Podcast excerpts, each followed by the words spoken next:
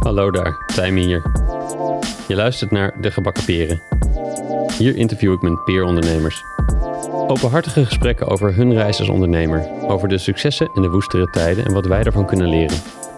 Maar juist ook over de persoon achter het bedrijf, over wat hun drijft en wat hun heeft gevormd en hoe het nu echt voor hen is om ondernemer te zijn.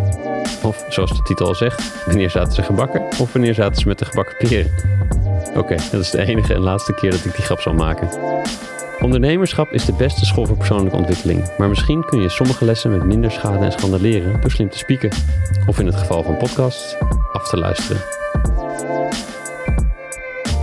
In deze aflevering is Anke van Donkersgoed de gast. Anke is medeoprichter van Breekjaar, een tussenjaar voor jongeren die na de middelbare school nog niet weten wat ze willen. Dat zijn we toch eigenlijk allemaal.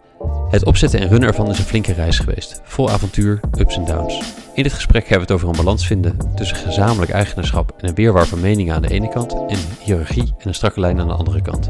Over hoe je keuzes maakt vanuit je wijsheid. En over hoe je rol verandert en je naar ruimte in te nemen ook afstand kunt creëren en ruimte kunt geven. En we hebben het over nog veel meer. Anke is een bom van energie, vult het gesprek chockvol wijsheid. Ze werkt vanuit veel vertrouwen en start alles vanuit de gedachte van overvloed. En ook de moeilijke momenten van de rollercoaster schuwt ze niet. Heel erg bedankt Anke voor dit knappe staaltje werk, de inzichten die je deelt en voor je hele zijn. Veel plezier met luisteren. Hier is Anke.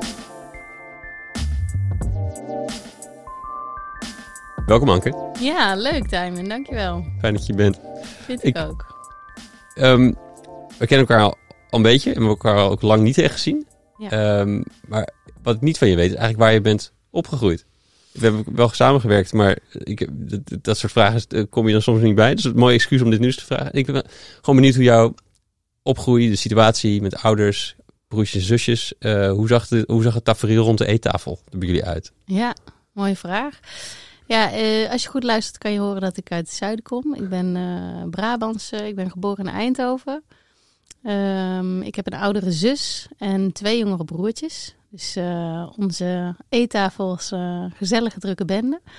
Eh, mijn ouders die zijn altijd bij elkaar gebleven. Die zijn, nou, we hebben dit weekend gevierd dat ze 50 jaar terug elkaar hun eerste zoen gaven. Oh, Ja, dat was ook wel echt leuk, want ze gingen dat helemaal vertellen over hoe ze dat niet deed hadden. En mijn moeder bij mijn vader achter op het brommetje en dan op een of ander feest bij mensen thuis op een zolder dat ze dan, eh, dat ze dan kusten. Nou, helemaal romantisch natuurlijk. nee, maar ik denk wel dat ik uit een heel, eh, heel warm eh, nest kom. ja. Heel fijn, ehm, ja, vol warm nest. Mijn moeder, die is denk ik vooral altijd wel echt goed geweest met ons eh, de warmte bieden en de, de openheid en de ruimte van wat voel je nou eigenlijk en wat maak je allemaal mee en kom maar op schoot en eh, je mag ook huilen en eh nee, Ja. zo. En mijn vader, ehm, ja, wat meer de lijn uitzetten van, nou, we gaan het zo doen jongens en eh, ja, ook mogelijk maakte dat we op vakantie konden met z'n allen en ook wel vaak kwam met gesprekken aan tafel en dat het wel ergens over ging. En ja, mijn ouders die zijn allebei wel heel creatief. Die hebben ook samen een conservatorium gedaan, dus Ah. eh, muzikaal. Dus ze spelen allebei piano en gaven ook eh, pianoles in de tijd dat wij klein waren. Toen heeft mijn vader op een gegeven moment astrologie ontdekt. Dus eh, heeft zich daarin aan verdiept. Dus mijn vader is ook astroloog. Ehm, ja, en, en op een gegeven moment kwamen er, er dus vier kinderen. Ja. En dan kom je daar niet echt meer van rond, zeg maar. dus toen is mijn vader eh, als eh, projectmanager manager bij eh Capgemini en zo gaan werken. Vond hij volgens mij niet zo heel veel aan. Maar ja, het maakte wel mogelijk dat we ja, dus, op vakantie konden. Ja. En in een groter huis konden wonen. En dat we het goed hadden. Hoeveel leeftijd eh, verschil zat tussen jouw broers en zussen? Mijn zus, en eh, ja. tussen mijn zus en de jongste zat tien jaar. Ja, Ja. Dus mijn moeder heeft al tien jaar lang eh, gebaard en eh, Oh, gevoed en gedaan. Ja. ja, ik heb nu zelf dus een zoontje van drie. En ik heb pas ja, sinds ik moeder ben echt het idee van hoe heb je dat gedaan? ja. Ik heb het er ook gevraagd. Maar ja, je doet het gewoon natuurlijk. Maar Ja. ik, dacht, ja, ik dacht vroeger altijd, ik wil ook moeder worden van een groot gezin. Mm. Ehm, en nu heb ik dus één kind en denk ik, nou, ik vind het al heel wat. Vooral omdat ik dan ook een bedrijf heb, wat Mhm. eigenlijk ook wel als een kind voelt. Mm. En in, in, in Breekjaar, wat wij dan doen, eh, zijn we een soort moederschoot voor heel veel jongeren. Dus ik voel wel dat mijn eh, grote schoot aan moederenergie, zeg maar, die ik dus vroeger al voelde dat ik die had, dat die ook wel in andere vorm Ontstaat. Maar ehm, ja, hoe mijn ouders dat gedaan hebben met vier kinderen, dat snap ik nog steeds niet. Heeft je moeder ook gewerkt? Of was ze, wat ze, was ze volledig thuis met, met die enorme bak aan kinderen? Ja, nou in de eh jongere, in onze jongere jaren gaf zij pianoles gewoon Oh, nog erbij. Af en toe. Ehm, en ze heeft altijd gestudeerd nog daarnaast. Dus dan was ze filosofie nog aan het studeren. En ehm, uiteindelijk heeft ze nog rechten helemaal gestudeerd. En toen, wij, toen ik puber was, ging zij werken. Ja. En toen ging mijn vader vanuit huis dingetjes doen. Een beetje ja. treden op de markt. En eh, met zijn astrologie toch weer. Dus toen ging mijn vader stoppen, zeg maar, als... eh, ja, met zijn stropdas, zeg maar, om naar Ericsson en Capgemini. Ja. Want daar was hij ook echt klaar mee op een gegeven Mm. moment. En toen werd mijn moeder, zeg maar, de voornaamste kostwinnaar door... Wat eh, grappig, eh, zo'n switch. Heeft dat nog iets ja. betekend voor jou? Dat, er zo'n, dat, dat, dat, dat je moeder dat overnam? Ja, mijn moeder, ging, mijn moeder ging toen echt in een netpakje naar het notariskantoor ineens. ja, ik, ik vond het wel stoer. Ja. En ik vond het ook fijn dat mijn vader wat meer thuis was of zo. Dat, daardoor ging ik ook een andere kant van hem zien. Gewoon wat, ja, wat meer eh, gewoon dagelijks, zeg maar. En, eh, maar ik weet ook nog wel, wel dat het een soort vast minuutje van macaroni op maandag, op dinsdag, friet op woensdag of zo. En doordat mijn vader dan huisman werd, zeg maar, ehm, kregen we ineens andere recepten, zeg maar. Dus mijn vader ging dan een kipberg maken of zo. In een andere salade met kip. Nou, dat was hartstikke lekker. En dat had echt niemand gedacht dat dat in mijn vader zat. Enorme berg.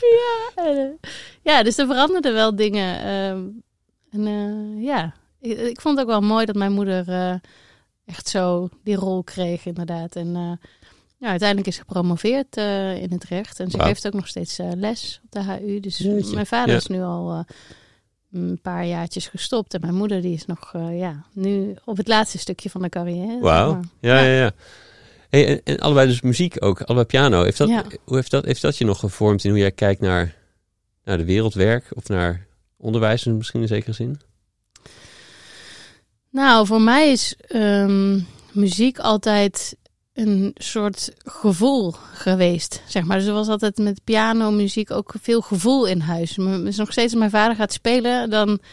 Ja, dat brengt gewoon veel alsof er een stroom door het huis heen gaat van Mm. ontspanning of zo. En eh, ik heb zelf eh, wel altijd les gehad, ook van mijn moeder, maar dat ging er gewoon niet in. Nee? nee. Ik vind het wel jammer. Ik heb, dus ik heb nooit echt leren spelen. En ik denk dat dat misschien ook te maken had met dat eh, ik daar zelf niet per se zin in had, maar dat ik dan wel les moest, zeg maar. Mhm. Ik heb nooit echt als dwang ervaren of zo. Maar ik weet nog wel dat ik dan iedere week even les had van mijn moeder. En dat ik dan telkens niet geoefend had. Ja. en ik dan telkens, oh ja, straks piano is nog even snel oefenen, weet je wel. ja. Het is bij mij nooit echt aangeslagen. Ehm, Ik denk omdat dat niet uit mezelf kwam. Ehm, maar zingen vind ik wel heerlijk. Mm. En doe ik ook graag. En, eh, en daarin heb ik dat gevoel ook echt. Dus Ja. ik zing ook op gevoel. Ik ga nooit met noten of zo. Als ik dat doe, dan voel ik me ook echt vrij en ontspannen en verbonden. En dat is voor mij ook heel erg de kracht van muziek. Ja. En, en ehm, ja, van muziek maken ook. Hey, hoe, ging, hoe ging jij op school? Hoe was, hoe was eh, natuurlijk wel relevante vraag ook met, met hè, wetende wat je, wat je daarna allemaal bent gaan doen. Ja. Eh, hoe, hoe ging school? Hoe was dat? Ja, ik kwam op eh, openbare basisschool De Regenboog. De regenboog, jawel. Ja. wij woonden toen eh, in Zon en Breugel, dat is een dorpje naast Eindhoven. Daar ben ik... Je accent komt ook terug als je Ja. over praat. dat is heel grappig. ja, dat kan wel kloppen, ja. Ehm, nee, fijne basisschooltijd gehad in principe. Ik denk dat ik altijd best wel een, een enthousiaste, open, brave leerling ben geweest. Ik wilde graag van alles meedoen, leren, spelen. ehm. En ik heb die, die basisschool ook als een fijne plek ervaren. Eh, wel vanaf groep drie eh, eh, ben ik gepest. Mm. Met dat ik te dik was. En dat was echt niet iedere dag of zo heel stelselmatig gelukkig. Maar ik weet wel dat, dat die onveiligheid wat Ja. dat betreft. Ja. En, en de, de pijn en verwarring al vanaf heel jong. Van ik ben dus niet goed en ik ben te dik. En er, ja, er is reden om mij eh, eh, uit te lachen of uit te schelden. Dat dat eh, wel veel met mij gedaan heeft. Ja. En ehm, nou ja, dat ik daar nu ook achteraf in therapie allemaal weer naar terug ben gegaan. Versterkt dat beeld misschien ook. Mm. Maar ehm, nee, ik ben verder gewoon door de basisschool heen best wel goed gegaan. En ik weet nog dat ik gezakt ben voor mijn verkeersexamen in groep 8. Oh, dat je moet gaan fietsen zo. Met, Ja. we gaan fietsen. En We, we, we hadden dan een klas en ik was de enige met één andere jongen die dus gezakt had. Had je niet goed genoeg je hand uitgestoken of zo, dat je de bocht op ging. Dan mocht je niet meer fietsen. Nee, maar ik weet wel dat eh, ik had wel een van de hoogste CITO-scoren. Mm. Dus met die jongen toevallig waren Oh ja. wij volgens mij allebei de enige die dan HAVO hadden of zo. Nou, uiteindelijk ben ik dus op de HAVO gestart eh, eh, op het Casimir Lyceum, wat ehm, best wel een kakschool eigenlijk Ja. is in Eindhoven. Maar waar ik me thuis voelde. En Mm. mijn zus zat daar ook al, die had het ook fijn. Op de HAVO gestart.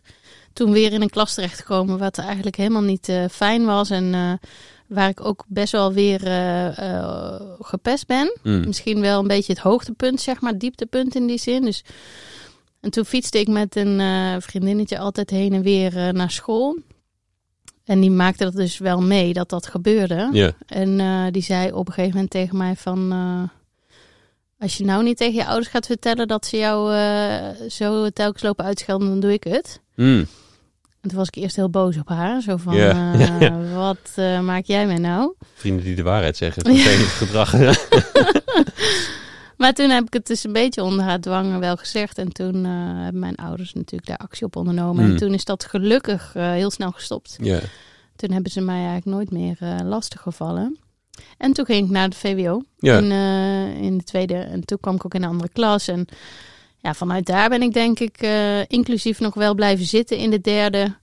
omdat ik gewoon al zo verliefd was op de jongen in de klas. Waar ik gewoon alleen maar naar het staren was. En, weet je wel. eh, oh ja, en ik wilde toen... ehm, ik wist niet goed wat ik wilde worden. Maar ik dacht toen arts.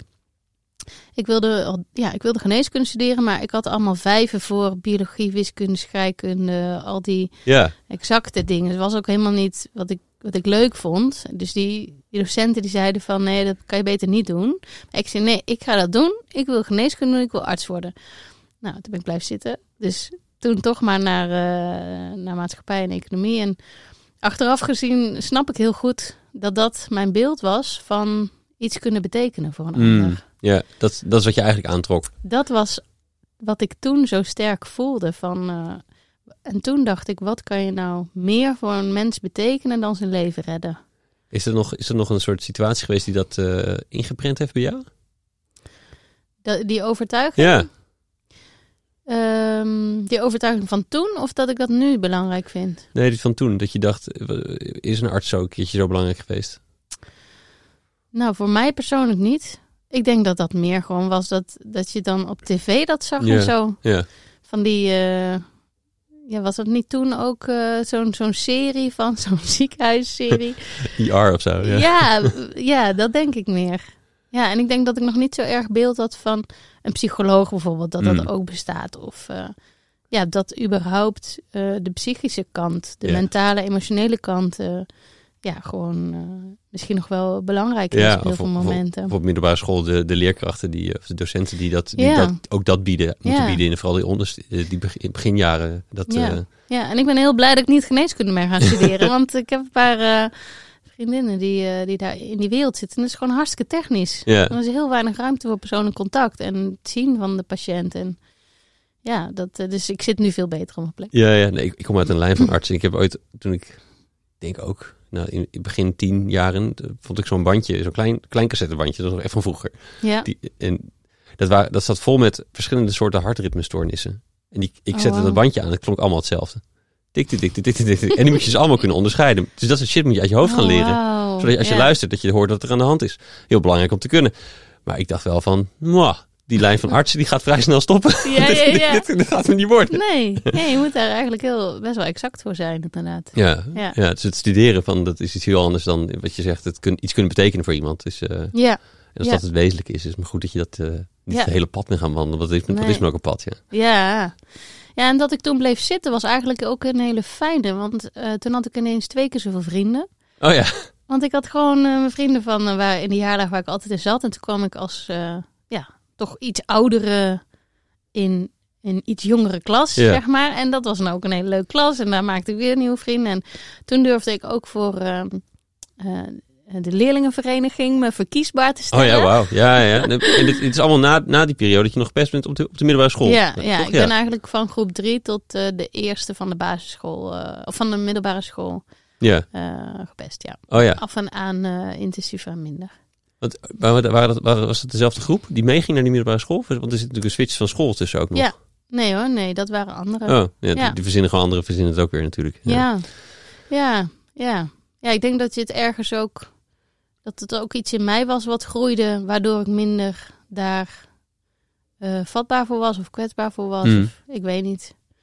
Maar het is een hele grote, wel, wel krachtig ook om je dan verkiesbaar te stellen in, in de tweede keer derde. Eh, ja, ja, ja. Toen kwam ik echt tot bloei. Want ik ben eigenlijk gewoon heel eh, open, enthousiast... eh, kom maar op en Ja. eh, ik ga wel op het podium staan, Ja. mens. Nee, ja, ik heb je in die tijd ontmoet, dus ik ken je alleen maar zo. Ja. Ja. Ja. ja, dus dat was eigenlijk. Dat is toen in de derde, vierde was dat. En dan moest je ook echt de hele school volhangen met posters. Met waarom jij dan in een leerlingenbestuur wilde. En foto's en dingen. En dan moest je een optreden doen. En ik weet nog dat ik dan. ehm, in de pauze, zeg maar, mocht je een soort speech houden of zo. Maar ja, dat is een middelbare school, dus je gaat ook niet echt een speech houden. Iedereen deed dan gewoon iets wat hij dacht dat dan goed was. Dus ik, ik wist echt niet wat ik moest zeggen, maar ik dacht ik moet wel iets doen. Dus had ik mijn vriendinnen gevraagd, zullen we op het podium eh, dat gewoon gaan staan en dan gaan we keihard hakken op dat nummer van eh, Zeg jij de mosselman? Goed idee. ja, ik dacht gewoon. En dan zeg ik stem op mij, Anke. En dan, Houdoe. En toen gingen we dat eens doen. Ik had mijn vriendinnen zo ver gekregen. Ik dacht, het is gewoon lachen. Ja. Ehm, en heel dus de school komt dan naar de aula, zeg maar. En toen ging ik dus die mosselman hakken. Maar ik was natuurlijk super zenuwachtig. En toen hing daar zo'n gordijn op het podium, zeg maar. En toen ben ik dus met mijn schoen, zeg maar, in dat gordijn eh vast komen zitten. Dus toen Nee. ben ik gewoon vol op mijn weg gegaan. Oh, man. en dat was echt zo gênant. We opgestaan en stem op mij. En dan afgedropen. Maar eh, daarna heeft iedereen het daar natuurlijk over gehad. Ja. Dus het was wel echt het lachen, gieren, brullen moment, zeg maar, voor de hele school. Ja, Want je kon er zelf ook om lachen toen. Ja, ja, ja. Ik weet nog wel dat ik gewoon echt inderdaad van de zenuwen en de schaamte denk ik gewoon heel hard ben gaan lachen. Ja. Eh, Het is wel een was, fijnere reactie dan wat het ook had kunnen zijn natuurlijk. Maar ja, nee, ik, ik vond het niet heel erg, omdat het sowieso al best wel een rare situatie was natuurlijk. maar eh, ik denk dat dat wel heeft meegeholpen en dat ik heb gewonnen, ja. je hebt ook gewonnen nog. Ja, ja. ja, ja, ja. Op het eh, leerlingenfeest werd er dan echt de uitreiking, zeg maar, hè, van wie heeft gewonnen. Nou, daar was ik wel eh, trots op, ja. Nice. Ja, Wat goed. ja, Hey, je bent daarna in, in Utrecht gaan studeren, volgens Ja. mij. ja. Ehm, voor waar die keuze? Ja, dus toen ik ehm, bleef zitten op al die exacte vakken en arts dus niet meer ging worden, Ja. toen, toen, eh, toen dacht ik ook van, nou ja, ik dacht dat ik wist wat ik wilde. Dat werd het niet. Ik weet het verder niet. Ja. Eh, dus ik heb gewoon de meest brede keuze gemaakt. Achteraf gezien eigenlijk best wel non-keuze. Gewoon laat ik midden in, het- in het land gaan zitten. Gewoon, Ja. Utrecht is wel zeg maar een stap verder dan Eindhoven. Maar Amsterdam bijvoorbeeld durfde ik nog niet. Mm. Ehm, mijn ouders waren toen in Soest gaan wonen. Ze was ook een beetje in, in de buurt. Ik dacht gewoon, ik ga gewoon kiezen voor een studie. Communicatie en informatiewetenschappen is het geworden. De meest brede studie waar je eigenlijk nog alle kanten mee op kwam. Nou, en ehm, ik ben toen bij UVSV gegaan. Dat is eh, zeg maar eh corporale studentenvereniging. En ja, achteraf gezien denk ik dat ik dat ook heb gekozen. Omdat ik gewoon ergens bij wilde horen. Mm. En dat ik gewoon niet in mijn eentje wilde zitten of zo. En ook niet echt heel goed zag hoe ik dat anders zou moeten doen. En eh, daar zeiden ze van kom hier, het is gezellig en zo. En ja, ik rolde daar wel in een cultuur van heel veel drinken. En ja, ik, ik, die studie die was gewoon eigenlijk hetzelfde als op de middelbare school voor mij. Gewoon niet iets wat me echt boeide. Maar ja, ik haalde gewoon, ik zorgde gewoon dat ik mijn punten wel haalde. Ja. Dus ik ging wel naar de verplichte hoorcolleges en zo. En eh, ja, god, studeren. Ja, ik studeer. Ja.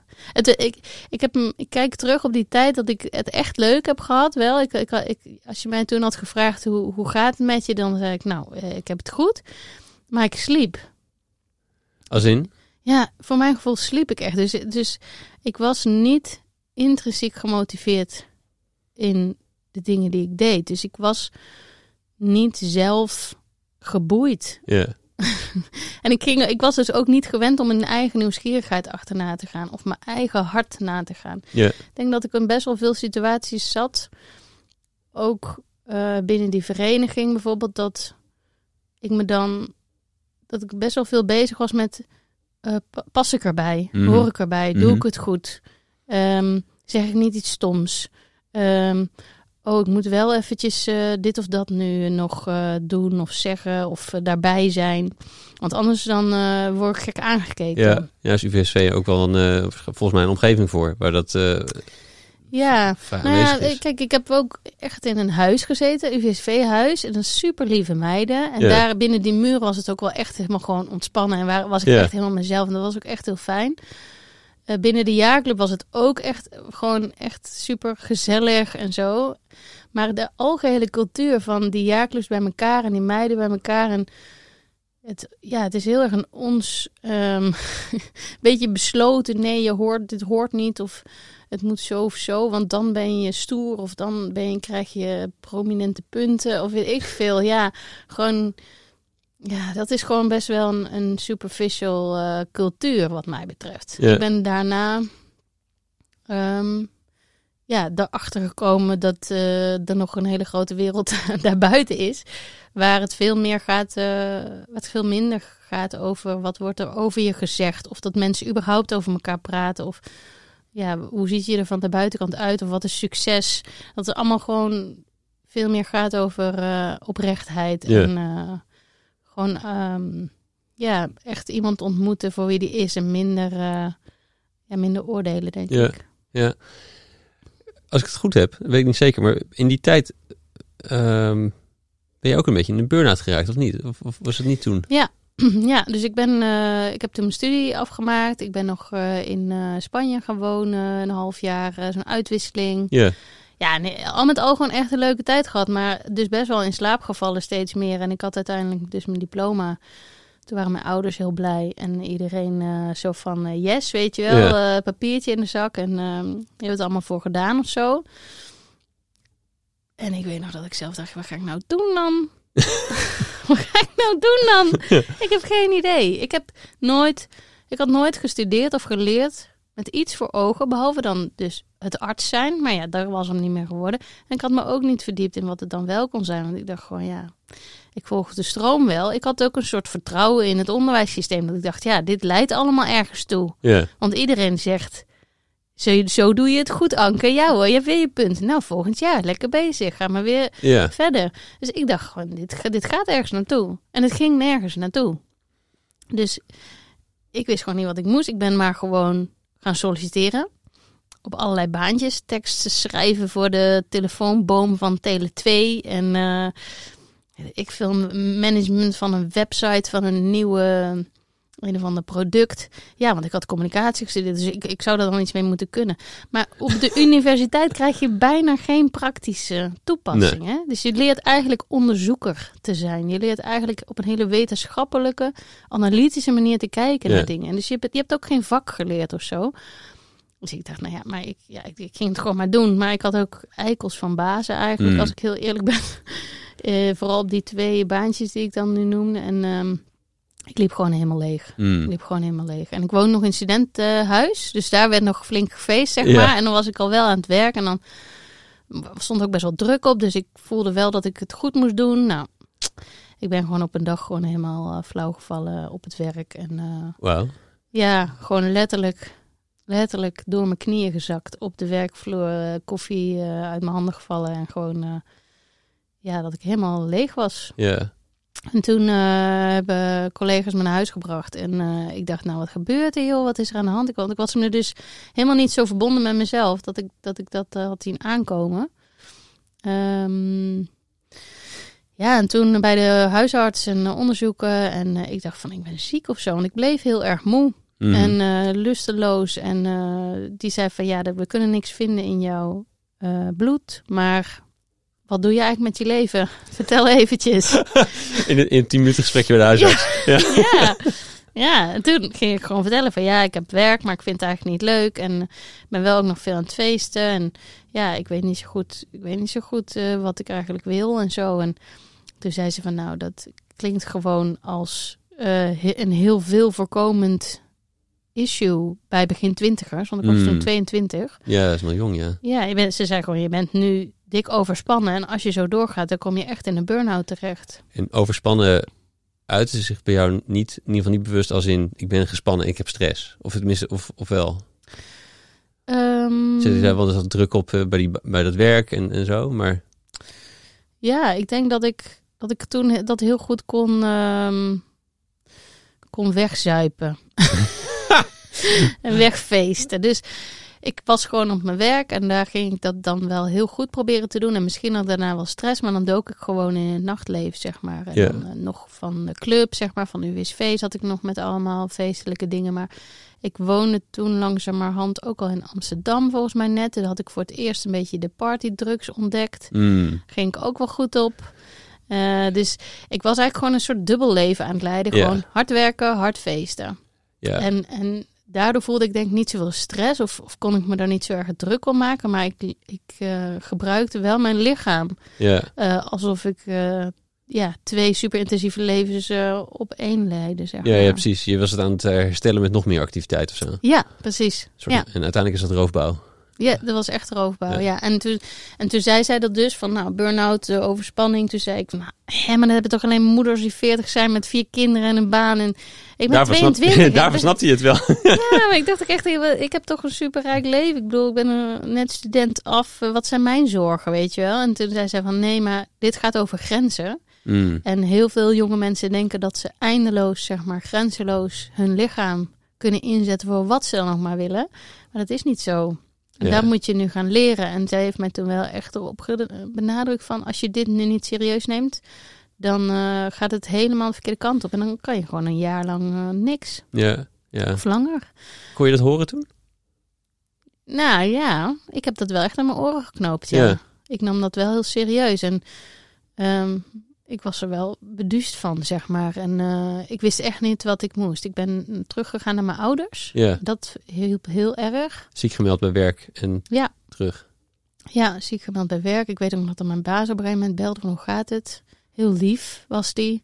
En dat ik gewoon alleen maar zei van ja, nee, het gaat nog niet goed, weet je wel. Maar ik kon er ook niks over zeggen van hoe lang dat dan ging duren of zo. Dat was een hele gekke situatie voor mij.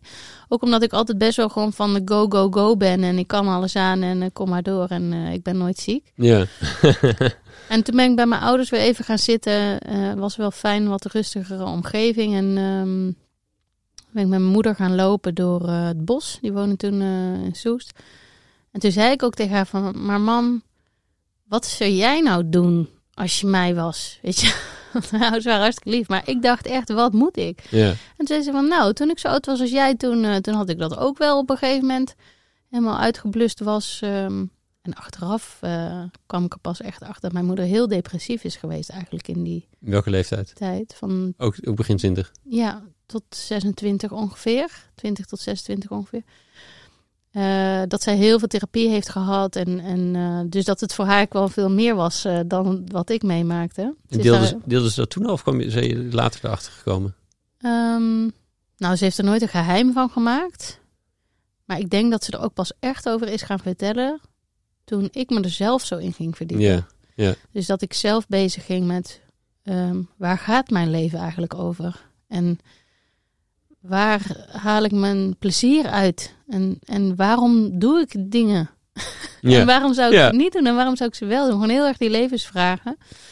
En ook eh, ja, dat ik helemaal opnieuw ging ontdekken van ehm, ja, wat gevoelens eigenlijk zijn. En, en hoe je gevoel ook een eh, kompas is voor ja, wa- waar je je wel goed bij voelt en waar je het niet bij goed voelt. En wat dus een wijze keuze is voor jou of niet. En dat dat eigenlijk een soort kompas is om gezond te zijn. En gezond in je lichaam te zitten, gezond in je leven te zitten. En ook iets te kunnen gaan creëren wat van waarde is. Omdat het klopt, omdat, het, hè, omdat jouw hele systeem dat wil. Nou, mijn moeder is daar gewoon ook heel erg zoekende in geweest. Mm, kwam er achteraf achter dat dat ook weer kwam doordat zij ehm, het oorlogstrauma van mijn ouders, zeg maar, gevoeld heeft. Of van mijn opa en oma, ja, sorry. Ja. Ja, dus mijn opa en oma hebben in Jappenkamp gezeten, even kort. En zij zijn naar Nederland toegekomen, hebben dat overleefd. Heel vreselijke tijd natuurlijk. En hebben gedacht, dit nooit meer. Mhm. Ehm, we gaan nu een mooi leven opbouwen. En dat hebben ze ook gedaan.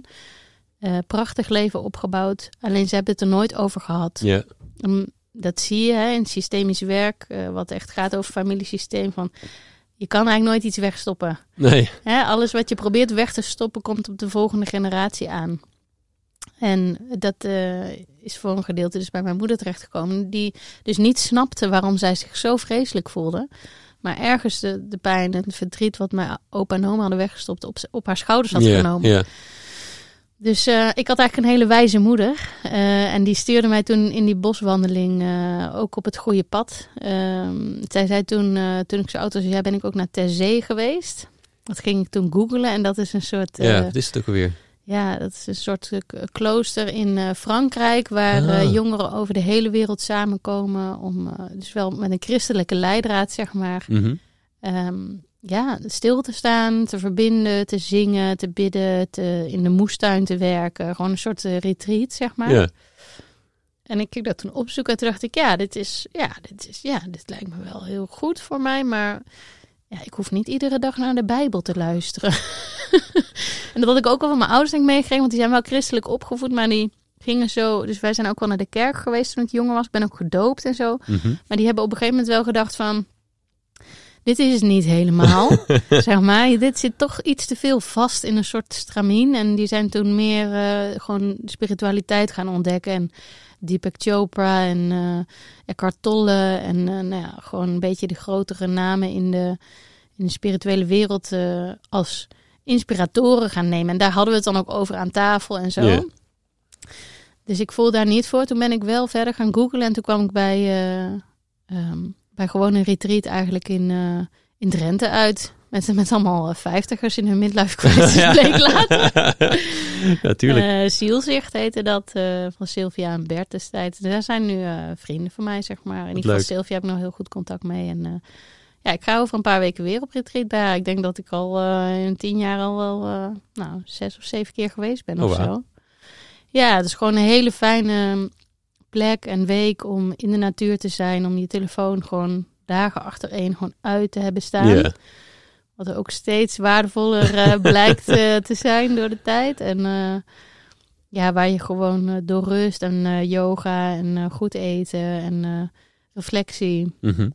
Gewoon, en ook in een groep zijn en van elkaar leren en opstellingen doen. Dat je gewoon helemaal eigenlijk weer terugkomt bij je essentie van eh, waar, waar zit ik nu? ja. En eh, wat, eh, wat vraagt om aandacht? En waar ga ik overheen in mijn dagelijks leven? ja. En ik denk dat dat toen, ja, toen was dat echt mijn doorbraak, zeg maar. Dat ik daar terecht kwam. Ja, en ik- maar zo- zo'n weg van, her- van weer herstel en zo is niet, is niet alleen het inzicht hebben van... ik weet nu waar mijn grenzen liggen Ja. en ik eh, kan er vervolgens eh, naar handelen. Ja. het, het, het ene dat het handelen niet, niet vanzelf gaat daarna nog, maar ook dat je nog gewoon nog heel veel in te halen hebt. Dus het, Klopt. heb je nog, hoe, hoe lang, hoe lang duurde zo'n traject, denk je?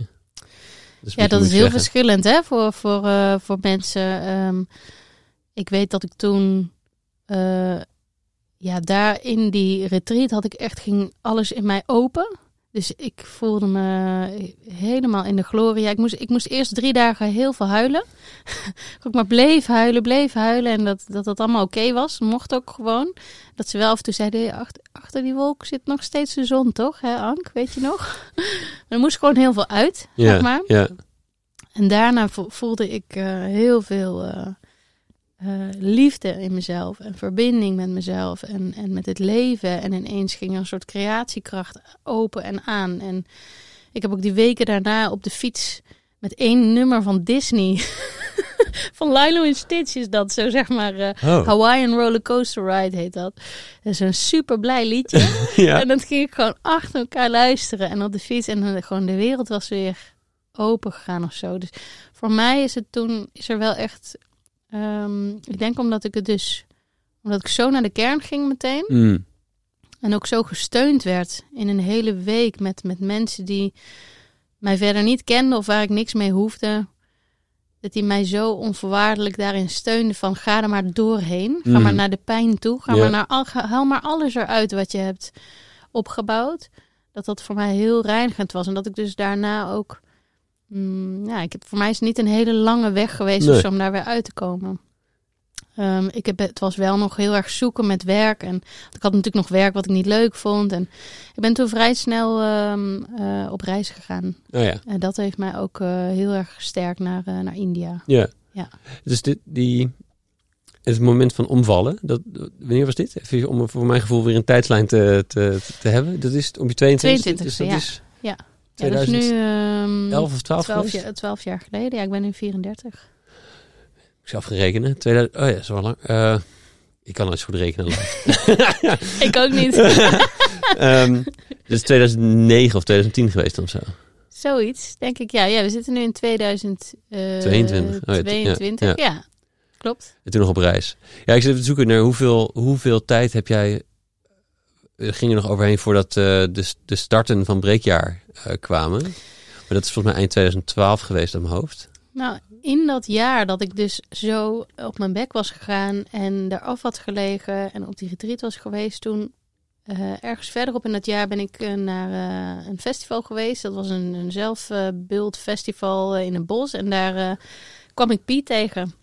Patrick. Dat was Patrick, zeg maar, een van de andere oprichters van Breekjaar. En eh, met hem ben ik in gesprek geraakt. Eh, hij zei van, eh, wie ben je, wat doe je? En eh, toen vertelde ik dus over mijn, over mijn val en hoe ik daar ook weer uit was gekomen. En dat ik me toen voor het eerst eigenlijk zo was gaan verwonderen van, hoe, waar slaat het eigenlijk op? Dat ik al die tijd... Ja, gewoon netjes gedaan heb wat van me gevraagd werd, maar dat ik nergens op uit ben gekomen. Om maar even hard te zeggen. Ja, ja. Hè? Dus ik, heb, eh, ik had ook 35.000 euro studieschuld gemaakt. Ja. Ik had mijn diploma gehaald. En Iedereen zei van, nou, je bent goed geschoold. Ja. Maar ik ging gewoon alleen maar rottig werk doen waar ik helemaal uit, van leeg liep. Dus ik had het belangrijkste eigenlijk niet geleerd. En eh, ik, ik, door die retreat, maar ook eh, doordat ik in een andere scene terecht kwam met die festivals bouwen en zo, merkte ik van, nou, er zijn zoveel vette dingen die je kan doen, die je niet op school leert. En die niet ehm, ja, normaal worden meegegeven als dit zijn de dingen die goed zijn voor je ontwikkeling. En eh, nou ja, met, hem- met hem was dat schot in de roos. Want hij was al een tijdje liep hij rond met het idee van breekjaar. Vanuit zijn frustratie ook persoonlijk dat hij heel vaak van school was geknikkerd. Of weer eruit was gestuurd of zo. Want hij is gewoon vet creatief en heel bewegelijk. En To say the least. ja, ook wel een beetje ondeugend. Dus eh, die, eh, ja, die had gewoon best wel zijn strijd gehad, ook met school. En eh, die dachten ook van, dit slaat helemaal nergens op, joh. We moeten Ja. allemaal stilzitten en eh, kennis eh, stampen wat, waar we helemaal niet iets aan hebben. En was toen al aan het werkte toen al volgens mij met Steven aan studentdocent. Ja. Misschien al onderwijshelden. Dat, dat, dat, nou, ja, dat, ik weet niet precies wanneer het omgegaan is. Maar dat voor de, voor de luisteraars. Die, Steven die was hier een jaar geleden ongeveer. Oh ja, oh wat leuk. Ja, Ja, die, dezelfde Patrick. Ja. ja precies. Ja, dus die, die had al onderwijshelden opgezet en die had al wat ondernemerservaring. En ja, die wilde gewoon heel graag dat breekjaar ging bestaan als jaar waar je alles kan leren wat je niet op school geleerd hebt na de middelbare school. Ja. En ja, ik was er dus ook helemaal op aan en ik heb dat eh, toen samen met hem en nog een aantal anderen, ja, zijn we daarvoor gaan staan van nou, let's do it. En Ja. ehm, eh, het was ook na mijn reis. Dus ik ben toen een, naar India vijf, jaar, vijf maanden in mijn eentje eh, zonder plan reis gegaan. Ja, dat was echt fantastisch. Ja. Dat was echt he- het bewijs aan mezelf dat ik wist wat ik te doen had, zeg maar. Mm. En dus niemand die mij ging sturen. Dus geen, geen school of geen, geen vader of geen, ja, geen, geen beeld van hoe dat zou moeten zijn. Het was gewoon helemaal iedere keer alleen maar met mijn Lonely Planet. En wie ik dan tegenkwam, die zei van daar is het vet. Ging ik daar naartoe. En eh, dat geeft me heel veel zelfvertrouwen gegeven. En gecombineerd met dat Piet dus heel vaak zei van je kan dit. Hmm. eh, ben ik daarin gesprongen als een soort van kartrekker van het project. Ja. Nou, daar heb ik jou ontmoet. Ja. Ja, dus, Ik ging er eh, ook wel op aan, op dat idee. ja. En volgens mij... ehm, ja, als je even te zoeken. Dit is dus volgens mij, als ik me in mijn geheugen althans eind 2012 geweest. Ja, ik ging rond die tijd bijna weg bij AEF, waar ik werkte. Consultiebureau. Ik was met de, de universiteit bezig. En ik Ah, ja, wilde ja. nog wel meer in eh, met onderwijsdingen. En ik, ik, ik, ik, het sprak mij heel erg aan toen, ja. Ja. Dus toen dacht ik, oh, wauw. Wat denk je? Wat, er- maar er ging naast mij nog echt eh, eh, nou ja, tientallen, honderden anderen aan. Ja. Wat denk je dat het zo... Nou ja, waarom, waarom, wat is hoe heb jij dat verklaard? Je hebt natuurlijk ook erover nagedacht van hoe kan dit nou dat opeens iedereen mee wil doen? Ja, ja, we waren daar echt van onder de indruk zelf ook. Want het was inderdaad 12 december 2012. Oh, ja, ja, ja. Gezien was dat een hele mooie datum. Bij Youngworks mochten wij de ruimte gebruiken. En eh, we hadden op Facebook, was het toen en Twitter volgens mij, hadden wij gezet... eh we hebben een open avond, dit is ons idee. Een jaarprogramma voor alle jongeren na de middelbare school... die zich persoonlijk willen ontwikkelen en iets gemist hebben op school. Als je wil meebouwen, denken, creëren, je netwerk wil inzetten, kom... Nou, wij dachten er komen iets van 30 mensen of zo. Er stonden ineens 80 mensen op de stoep. Ja. Nou, wij zijn nog echt nog naar de, naar de supermarkt gerend aan de overkant van de gracht om nog extra koffie en koekjes te halen en zo. En, nou ja, gelukkig hadden we jullie inderdaad de ondersteuning ook. Oh, dat is waar inderdaad, met, eh, met Marien en Joost. Ja, ja, Marien ja. en Joost. En die gingen heel mooi eh, begeleiden van nou, iedereen in groepjes en nadenken over de verschillende dingen die daarbij komen kijken. Dus hoe gaan we het financieel regelen? Dus Hoe kom je aan eh, de deelnemers, locatie? Wat moet je dan in zo'n programma eigenlijk doen? Ja. Ehm, ja, en ik denk dat, dat waarom het zo aansloeg en nog steeds, want ik heb nog, denk ik, in al die tien jaar dat ik er nu bijna mee bezig ben, geen mens gesproken die zegt: Dit is niet nodig. Ja.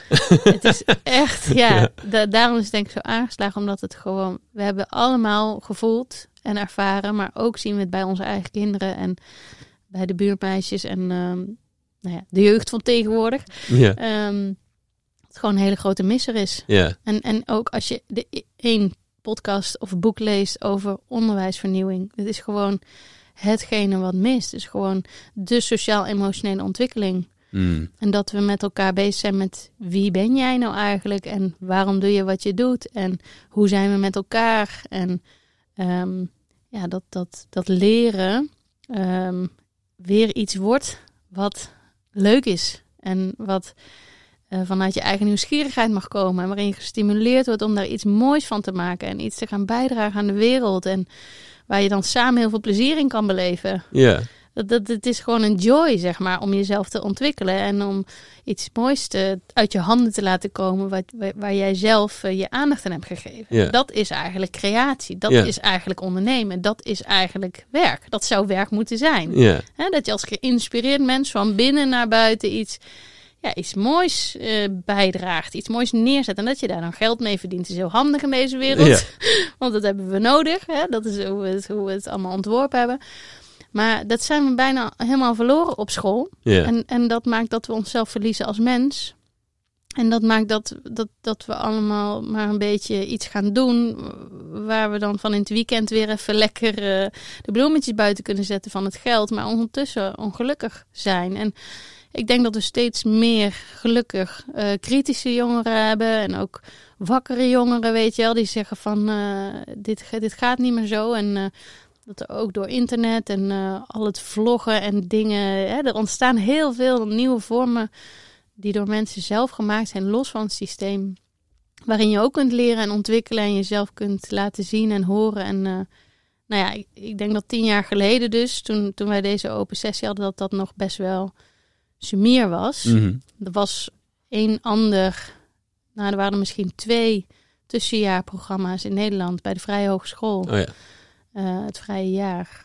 Eh, daar heb ik toen ook mijn scriptie eh, mogen doen. Dus ik heb daar nog mijn masteropleiding afgemaakt. En daar, daar kon ik zien van hoe dat gaat en hoe dat kan. En dat was heel mooi, hoe ze dat daar deden. Ook met een groep jongeren een jaar lang jezelf ontdekken. Maar heel antroposofisch, zeg maar. Ja, dus dus ja. Met, met theater en met boetseren en met poëzie en filosofie. Ook in een klassieke villa, zeg maar, in, in de natuur. Echt prachtig. Maar ik dacht van, ik wil meer gewoon dicht bij de jongen gewoon eh, van de straat meer. Ja. Dus, En meer met hen zelf creëren. Van, en ook het gewoon heel concreet hebben over eh, ja, wat, wat wil je en wat houdt je tegen? En hoe ga je om met je telefoon die er de hele tijd tussen zit? En hoe is het voor je dat je al drie keer eh, iets gekozen hebt en weer niet blijkt te zijn? En uit wat voor een nest kom je eigenlijk? Gewoon veel meer, denk ik, eh, niet met de metaforische omweg. Mm. die ik, zo, zo ervoer, ervoer ik het dan daar. Mm. Maar meer to the ground, zeg maar. Ja, dus ik, ik denk dat het uh, gewoon uh, heel obvious is dat we hier veel meer mee moeten. Ja, ja. En daarnaast bestond volgens mij Nomads in die tijd ook al. Ja. Dus misschien een ander tussenjaar, wel net minder gericht op precies na de middelbare school. Ja, ja precies. Iets oudere doelgroep. Ja, en toch trok die naar minder volle zalen, zeg maar. En, en ik, ik, heb zelf ook nog een tijdje geprobeerd daar een rol in te spelen. Um, wat is het verschil, denk je, tussen die twee geweest? Hmm. De Nomads bestaat intussen niet meer. Dus misschien. Ja, uh, interessant. Er zit, zit, iets in wat, wat beide zijn, waren breekjaar en, en Nomads beide een soort, hè, wat je ook noemde, de moederschoot voor, uh, voor, voor, uh, voor jongeren of voor volwassenen misschien bij Nomads ook. Ja. ja. ja, kijk, wij, want wij hebben toen ook mogen werken vanuit Nomad. Hè, hmm. Veel daar geweest. We hadden toen nog helemaal geen plek of zo. Dus in die hele opbouwfase waarin we crowdfunding deden. En dus met heel veel vrijwillige mensen, waaronder jij dan uh, uh, iedere week bezig waren met weer een stukje bouwen naar die droom. Namelijk in september 2013 dan het eerste programma starten. Yeah. We moesten een website bouwen, moesten tekst schrijven. Nou, en en um, wisten wij veel. Behalve Ja. dan Ja. dat we dit gewoon een super vet idee vonden. En dat we erin geloofden dat het waardevol was. Maar het was heel fijn om bij Nomads in binnen te mogen zitten. Om ook met Pieter Spinder en een Mhm. aantal andere mensen daar die gewoon super geïnspireerd bezig waren. Om daar van af te kunnen kijken eigenlijk. En de hele sfeer daar was heel goed. Heel veel liefde voor elkaar, voor de ruimte. Mooie workshops. Mensen van over de hele wereld, dus heel internationaal. Ja. Ja, en ehm, ik, ik, ik weet niet zo goed wat, wat er daaraan geschild heeft. Wat ik wel heb opgemerkt is dat er best wel veel discussie was. Dus dat er ook veel mensen een, telkens een ander idee hadden over wat het moest zijn. Ja. Nou, dat hebben wij ook wel eh, gehad. Ja.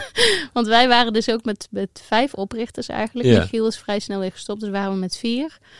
Ehm, en ik denk vooral Pia en ik ehm, best wel heel verschillend kijken naar de dingen.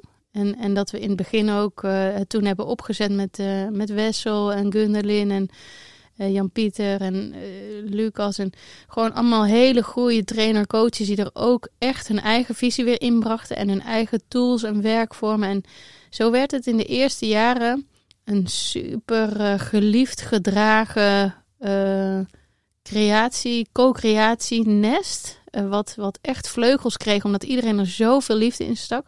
Maar dat je op een gegeven moment ook merkt dat iedereen er ook ehm, zijn eigenaar van voelt. En dat iedereen er ook wat over te zeggen wilt hebben. En dat iedereen ook zoiets heeft van, ja, maar we hebben allemaal geïnvesteerd hierin. En dan wordt het een weerwar van meningen Ja. die elkaar, wat elkaar eigenlijk een beetje gaat bijten. Want dan ben je dus heel lang aan het praten. Ja. Heel veel aan het ja, ehm, uitzoeken van waar gaan we nu heen of wat gaat het nu zijn. Terwijl je wil eigenlijk gewoon met de jongeren bezig zijn. Ja. Ja. Oh ja, wacht even. Daar Ja. waren we eigenlijk voor. Ja. Maar serieus. Dus ik denk dat wij daar als stichting zeg maar ook echt een, een, een grow-up proces hebben meegemaakt. En dat we op een gegeven moment ook moesten meemaken dat, er, eh, dat we zo ehm, eh, eigenlijk van de wijs eh, aan het raken waren door onszelf. Hmm. Ehm, toen moest er echt geknipt worden, zeg maar. Toen, waren, toen was er ook financiële issues van... eh, oké, we hebben nu een veel te groot team achter de schermen. Ja. We zaten gewoon met tien mensen op kantoor, terwijl we zeg maar drie programma's hadden. Dus 90 jongeren een jaar lang. Ja. Nou, dat was, dat was gewoon echt uit. En niet dat iedereen er vijf dagen in de week zat hoor. Maar het was meer zo van, omdat je dan dus iedereen een plekje wilt geven. Ja. Oh ja, dan mag jij zeg maar acht uur in de week je bezighouden met eh, de eh, verbetering van het programma. Dan mag jij acht uur in de week dit, en dit en dat. En dan, oh ja, doen we een weekmeeting. Nou, Ja. echt. Ja, ja, ja, ja. Je bent heel aan het organiseren voor Ja. elkaar. ja. Ja. Nou, dus toen, eh, toen is daar echt gewoon een hele andere stijl gelukkig gekomen. Ehm, ehm, en is er veel meer geknipt in ehm, alles achter de schermen gewoon, oké, we gaan het gewoon downsizen. En er is gewoon één directeur, die heeft het gewoon voor het zeggen. En die moet eh, hè, bij het bestuur eh, vertellen waarom hij de dingen doet. Is dit toen Maurice erbij betrokken raakte? Dit klinkt, dit klinkt namelijk als Maurice. Eh, dit is Maurits uiteindelijk Ah, toch. Maurits. Ja, Ah, dat ja. is ook een leuk verhaal. Nee, Maurice is inderdaad na een aantal jaar bij ons gekomen. Eh, die is toen in het bestuur gekomen. Ik zat toen zelf ook nog in het bestuur. Patrick zat nog in het bestuur. Lucas. Eh, Maurice heeft een fantastische rol ge- gespeeld. eh, nog steeds. Echt een hele mooie bemiddelaar, zeg maar. En ook ehm, de bootrechthouder, zeg maar. En, en ook echt when the shit hits the fan, zeg maar. Gewoon heel goed in, in het business-wise bekijken. Ja, ik kan ook iets meer afstand houden natuurlijk. Ja, veel meer op afstand, minder emotionally engaged, zeg maar. Ehm, maar uh, Maurits, die is eh, in het derde jaar van breekjaar ongeveer, eh, hebben hem aangenomen als coach. Oh ja. En toen eh, werden wij verliefd op elkaar. ja. dus dat was ook nog een hele leuke episode, dat ik dus... eh, ja, dat wij er gewoon niet omheen konden, dat we zo eh, elkaar zo leuk vonden. En toen kregen wij dus een relatie. En toen was ik eh, HR, zeg maar, dus ik zat wel echt achter de schermen en hij zat op de vloer. Dus dat was heel goed te scheiden. Um, maar dat, uh, dat uh, groeide. En, uh, nou, we, we, hebben daar gewoon in het werk eigenlijk over het algemeen met een paar uitschieters hebben we het gewoon heel goed kunnen doen tot op de dag van vandaag. En toen ik zwanger werd, toen ging Lucas op een gegeven moment stoppen als directeur. Yeah. En toen was er dus een nieuwe directeur nodig en dat is Maurits toen gaan doen. Speelde, speelde dit, um, iedereen heeft een mening, iedereen heeft eigenaarschap en voelt dat hij ook een mening mag hebben en er moet versus het is wel fijn als er ook een visie is. Speelde dat toen ook nog? Want ik kan me ook voorstellen dat het voor een bepaalde nou, groep die wat meer aan de zijkant staat qua visie ook lastig is om te zien van wacht even. Anke en Maurits, die wordt dan direct en Maurits wordt dan directeur. Mhm. Wacht eventjes, is er, dit, dit, voelt ook een soort van omgekeerde klikjesvorming als waar we het in het begin van het gesprek over hadden. Ja. Ja. Heeft, dat, heeft dat nog een rol gespeeld? Nou, ik denk dat ehm, eigenlijk twee dingen komen in me op. Uh, wat nodig was voor de organisatie, want Mao het echt gebracht heeft, is hiërarchie Hmm. eigenlijk. En dat, dat was ons heel erg, uh, daar waren we een beetje wars van. Ja, ja. Hè, want we wilden natuurlijk alles samen en zo. Maar gewoon, dat is heel gezond voor een systeem. Het is nodig voor een systeem. Dat iedereen op zijn eigen plek staat. En dat iedereen vanuit zijn eigen plek in zijn kracht wordt gezet. Of eigenlijk ook in zijn kracht komt te staan. Omdat iedereen op zijn eigen plek staat. Hmm. Dus als iedereen constant iets um, wil meebeslissen, wat gewoon uiteindelijk uh, bij Piet ligt, zeg maar, ja, dan verlies je allemaal heel veel energie op iets wat helemaal niet uh, hoeft. Ja. Dus het, het vertrouwen op jij staat daar, jij staat daar, jij staat daar. En dit is de plek waar jullie moeten staan. En zo zijn we samen een sterk geheel. Ja. Dat, is, dat is gekomen, denk ik, uh, met Maurits zijn, zijn, uh, ja, zijn uh, rol eigenlijk. En de manier waarop hij dat heeft gedaan. En heeft het ja, tot weerstand geleid? Want het is ook het, het, het is een ander. Nou, we, we, we, het ging niet zo goed. Dus Ja. het, er was echt iets nodig. Noodzaak werd ook gevoeld. Ja, Hoe, we, hebben- er we nou zijn toen echt bijna failliet gegaan. Ja. En het, dat kwam ook bij de trainers terecht. Zo van, jongens, we kunnen je eigenlijk niet meer betalen komende maand als het zo doorgaat. Hmm. Vinden jullie het oké dat we dat iets uitstellen? Want dan hebben we net het liquiditeitsprobleem kunnen we over. ja. Dus eh, de trainers waren er ook en de coaches waren er ook echt van bewust van het gaat niet goed. We hebben een, een cultuur gecreëerd waarin we veel te veel met, met elkaar alles aan het doen zijn wat veel te veel energie kost en dus geld kost en dus niet gezond is. Dus eigenlijk was iedereen heel blij met dat het mes erin ging, zeg maar. Het was ook voor een aantal mensen heel pijnlijk, want ja, we moesten ook stoppen met sommige mensen. Dus het is echt een pijnlijke periode geweest, maar ik, ik denk dat vooral heel veel dankbaarheid en respect van iedereen was naar hoe Maurits dat deed, want hij heeft dat eh, hard gedaan, zeg maar, wat nodig was. Maar ook met heel veel verbinding en heel veel respect en liefde en aandacht voor, voor wat er ook in alle relaties nodig is. En ik denk dus, als je het hebt over, is het nou hoe ervaren mensen dat, dat Maurits en ik zeg Ja, maar ja. een relatie hebben. En dat ik uiteindelijk natuurlijk ook een hele bepalende rol heb. Ehm, wij zijn allebei gewoon heel open, open over alles. En ehm, ja, je zou het eigenlijk aan de mensen in de organisatie moeten vragen natuurlijk. Maar ik heb het idee dat het heel erg ehm, eh, ja, gewaardeerd wordt. de- hoe wij gewoon allebei op onszelf staan binnen de organisatie. En wij scheiden dat ook wel echt. hè. Dus ik ben nu volop met de Academy bezig. En hij is gewoon de directeur zeg maar, van het geheel. Maar voornamelijk zeg maar, met de rest, met de jaarprogramma's, Ja. de halfjaarprogramma's bezig. Ehm, en wij praten thuis gewoon niet over werk. Mm. Dus dat hebben we ook wel uit moeten vinden. En de, de rest ervaart ook dat jullie het met elkaar oneens kunnen zijn. Ja, we zijn het wel regelmatig ook met elkaar oneens. Maar wij ehm, eh, hanteren daarin ook. eh, dit is jouw ding en dit is mijn ding. Dus hij gaat zich niet bemoeien met hoe ik die academy helemaal aan het opzetten ben. Maar ik ga me ook niet bemoeien met eh, nou ja, wie hij op welke plek zet in, zijn team. Of, eh, en, en soms natuurlijk wel, het is wel waardevol ook om te overleggen met elkaar. Maar dan vragen we het altijd van, hey, mag je even een werkvraag stellen? Of als we gewoon in een meeting zitten, natuurlijk met z'n allen dan ook. Maar ehm, dan kunnen we elkaar eigenlijk alleen maar adviseren Ja. en eh, de ander eh, laten. En uiteindelijk is het natuurlijk zo dat hij wel mijn leidinggevende is. Ja. Want de Academy valt nog steeds gewoon onder Stichting. Ja. En ik denk dat dat ook iets heel moois is. Dat er is heel erg een wederzijds vertrouwen. Dus eh, ik word ondersteund vanuit de hele organisatie om echt te mogen creëren. Mm. Om echt, eh, ik krijg echt vrijbaan om, eh, om het helemaal zelf vorm te geven. Ik hoef me niet zorgen te maken over alle issues, zeg maar, van de dagelijkse dag. Ehm, en, en ik krijg daarin heel veel vertrouwen. En ik geef dus ook veel vertrouwen in jongens. Jullie runnen de rest van de toko wel. Ja. En ehm, als we elkaar nodig hebben, dan kunnen we elkaar steunen. Maar er is gewoon, ik denk ook heel veel vertrouwen opgebouwd. Doordat het gewoon ook heel goed gaat al een hele tijd. Ja. En dat we gewoon eh, het heel goed doen. Ja. Ja, dat is ook fijn. We zijn een beetje over die beginfase een beetje eh, snel heen gegaan. Dat ik een beetje door mijn vraag Mhm. vergelijking met Nomads en zo. Maar Ja. ik ben ook benieuwd hoe je dat het koers houden. ehm, met al verschillende beelden binnen die, binnen die eh, startende vijf. Of de initiatiefnemers Ja. toen. En ook nog eens al die beide uh, figuren zoals ik die ermee, zich ermee bemoeien. en ik, nee, want ik, denk dat er wel, nou, hoeveel, hoeveel van die, van die verschillende teampjes, of nou, we zouden het commissies of, of kunnen noemen, maar weet niet meer hoe we dat noemden toen. Maar er waren allemaal van die groepjes en jij moest overal tussendoor laveren. En de, Ja. de, de neuzen moesten een kant op. En Ja. iedereen vond wel iets. Eh, hoe Ja. ben je daar toen mee omgegaan in, de, in, in die startfase? Ja, nou in die, in die negen maanden was dat uiteindelijk dus van december tot september. Eh, december 2022 tot september 2013. Ja, 2012 tot 12, 2013. Eh, daar moest zoveel gebeuren. Daar moest zoveel bij elkaar komen. En eh, dat was inderdaad heel erg eh, uitwaaieren. En dan weer bij elkaar brengen. En weer uitwaaieren en bij elkaar brengen. Wat we toen hadden bedacht was, we doen iedere week een open avond. En daarin mag iedereen komen over één eh, onderwerp doorpraten. Dus bijvoorbeeld financiën. Mhm.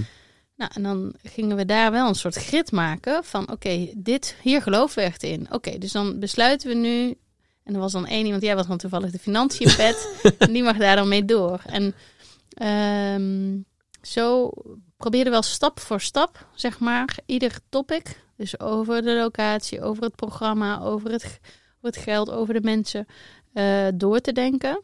En eh, we hadden gewoon een soort tijdslijn van: oké, als we in eh, september willen starten, dan moeten we dan ehm, op scholen zijn geweest. En dan moeten we intakes doen. En dan moeten we proefdagen doen. En dan moet de website live. En ik ben toen wel ook, ehm, vlak nadat we de crowdfunding rond hadden. Toen hadden we 15.000 euro met 110 investeerders Ja. bij elkaar gebracht in zes weken. Toen ben ik keihard tegen een paaltje Ja. opgefietst. ja. Ja, dat weet ik nog precies. Eh, ik ging ook langs mijn oude werk, toevallig. Moest Mm. nog iets ophalen of zo. En er was toen iemand die had mij ook online gevolgd. En zei, oh, je bent nu echt met vette dingen bezig. Hè? Ja, tof dat je dat allemaal aan het doen bent. En, eh, maar kom even zitten. En die pakt een blaadje en een, en een stift. En die begon zo te tekenen, een heel organogram. En nu moet jij wel zorgen dat jij nu zeg maar, het eigenaarschap naar je toe trekt. En dat het van jou is. Want jullie zijn het allemaal heel mooi samen aan het doen, maar dat kan natuurlijk niet goed gaan. Heel erg met een soort commerciële... ja. En dat was echt heel goed bedoeld naar mij toe. Maar dat was totaal niet waar ik in zat. Nee. Ik zat helemaal in... Dit is alleen maar eh, van iedereen voor iedereen. Weet je wel? En ik ben dat aan het, aan het containen. Maar ik had helemaal niet iets van, dit moet van, van mij zijn. Dus ik was er heel erg van in de war. Ja. Ondertussen inderdaad alle dwarrelende ideeën. En oh, maar dit moet wel echt, eh ging in mij om. En ehm dus zat ik op de fiets met mijn telefoon. Gewoon van zo'n bruggetje zo. Op de Vijzelgracht zo pok zo.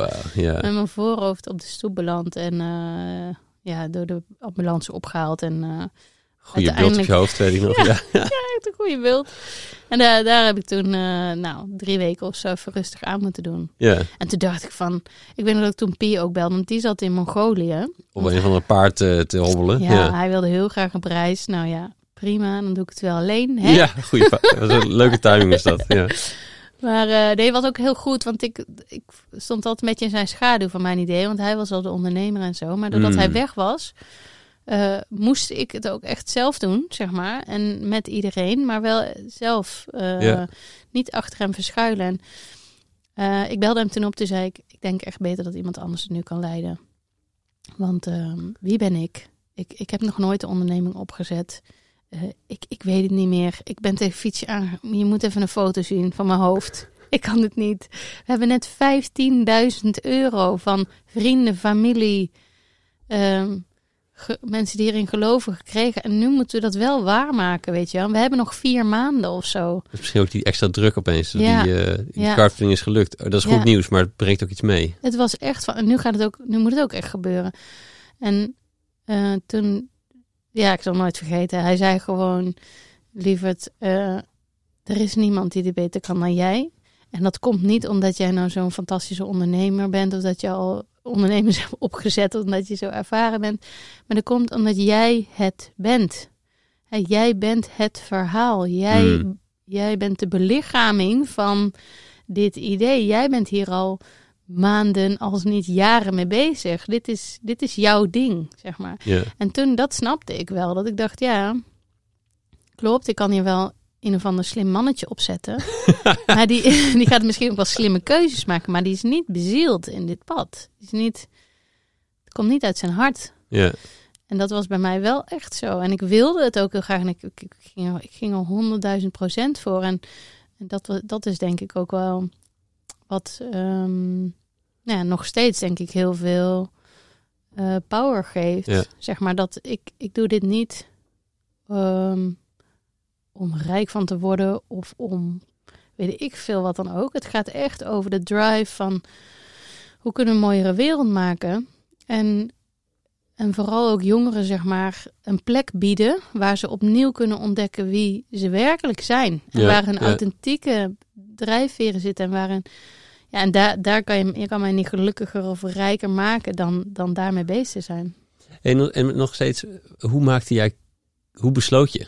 Gewoon heel, over heel veel praktische dingen. Want het was natuurlijk echt een, het bestond nog niet. Het was onduidelijk of, hoe, hoe, wat het model werd, hoe dit ging lukken. Ja, Hè, van, ik wil inhoudelijk kijken naar programma's, maar hoe krijg je deelnemers? Waar doe Ja. je dit? Eh, wat, heb, Ja. wat, wat komt er allemaal bekijken? Wie gaat dat geven? ja, Er zijn oneindig veel keuzes te maken. ja, En ook bijna oneindig veel meningen over hoe en zo. ja. Ehm, hoe, hoe zorgde jij toch dat die, dat die kar de goede kant op ging? Ja, ik denk dat dat, dat dat ook wel echt de samenwerking was. Ik ben echt van eh, het doelmatige. Dus Mm. voor, ik denk dat ik het beste was in. ehm, Oké, maar eh, dan, eh, als we dan straks willen starten, dan hebben we wel echt alles nodig. Dus ik kan vooruitzoomen in de tijd en daar dan al zijn. En dan om me heen kijken en dan zien wat er nodig is. En dan weer terug naar het nu en dan weten van welke stappen er nodig zijn. Maar bijvoorbeeld heel erg inhoudelijk, eh waar hadden we echt Dolf. Dus Ja. Dolf is zeg maar een van de andere eh, vier dan.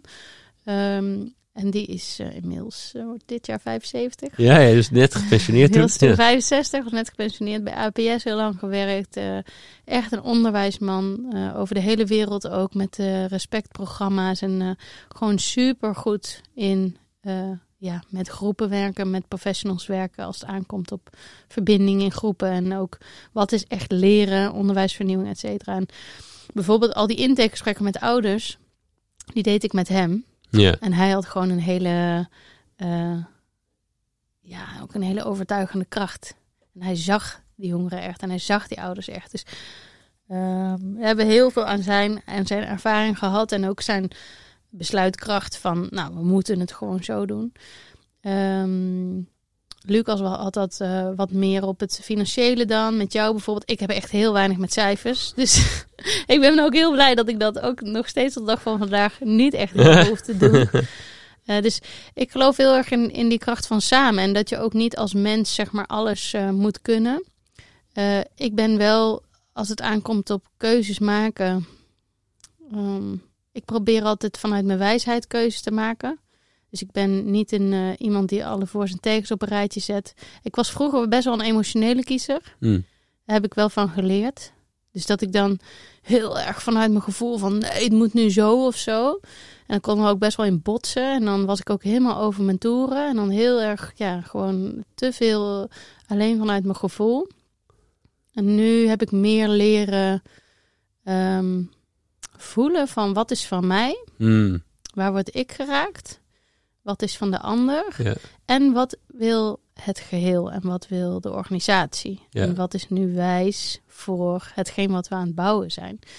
En ik denk dat ik in die tijd dus veel meer, uh, ja, als een soort puber, zeg maar, uh, gewoon ja, er zo middenin zat dat ik dat niet goed kon onderscheiden. Ja.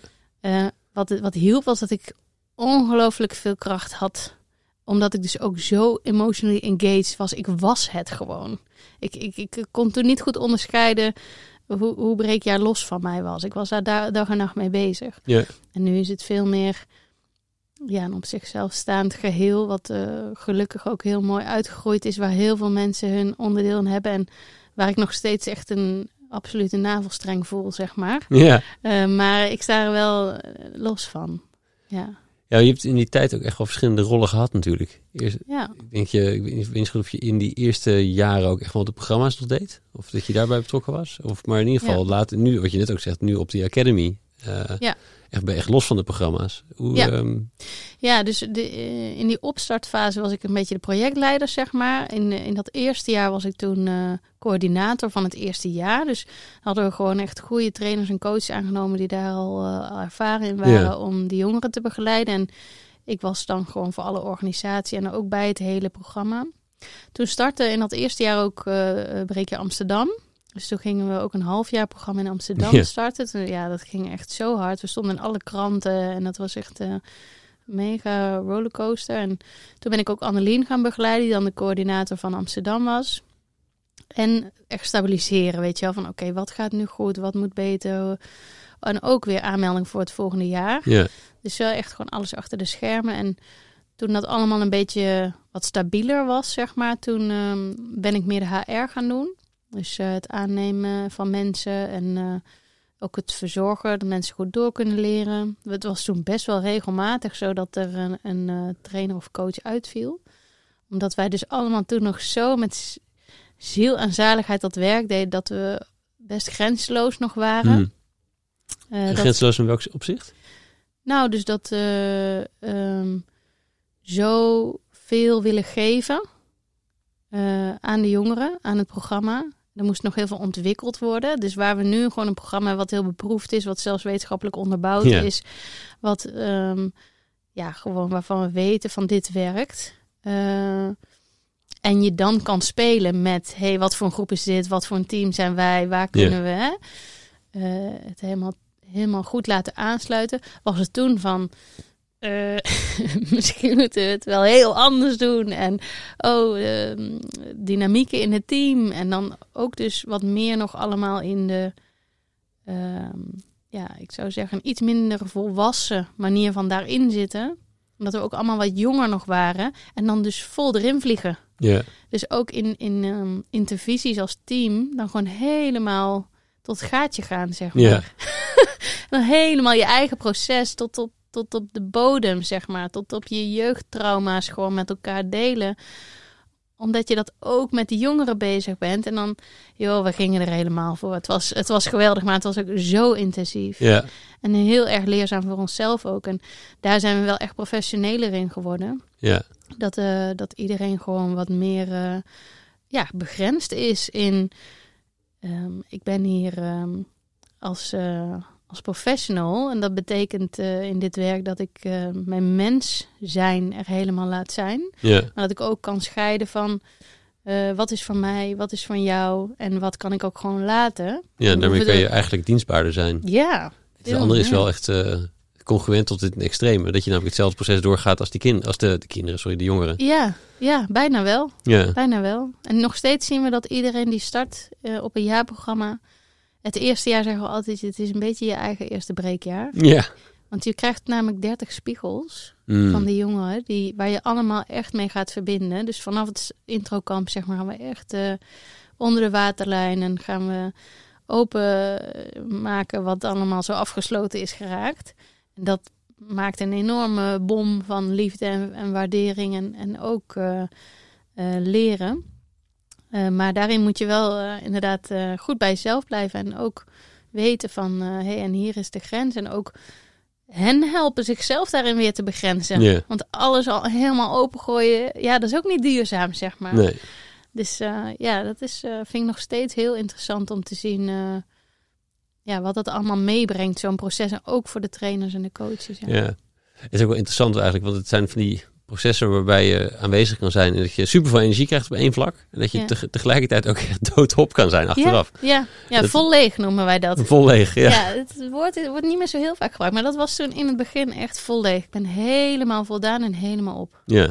Ja, ja.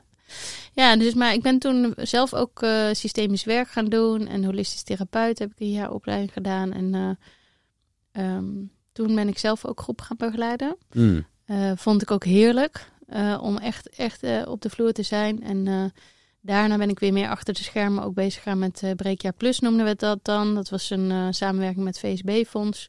Waarin we echt een veel bredere doelgroep wilden aanspreken.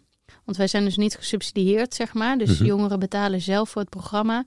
En betalen dat af gedurende het jaar, zeg maar. Dus de helft van de week is dan werken. En de helft van de week is programma. En zo kun je ook een heel eind komen. Ouders betalen dan meestal een stuk. En waar ouders dat dus niet kunnen, hebben we het breekfonds toen in het leven geroepen. Ja. Eh, en eh, gelukkig eh, komt daar ieder jaar heel veel geld in, van allerlei hoeken. Ehm, waardoor dus, ja, we nu hele mooie mixed groups hebben. En daar heb ik me toen voor ingezet.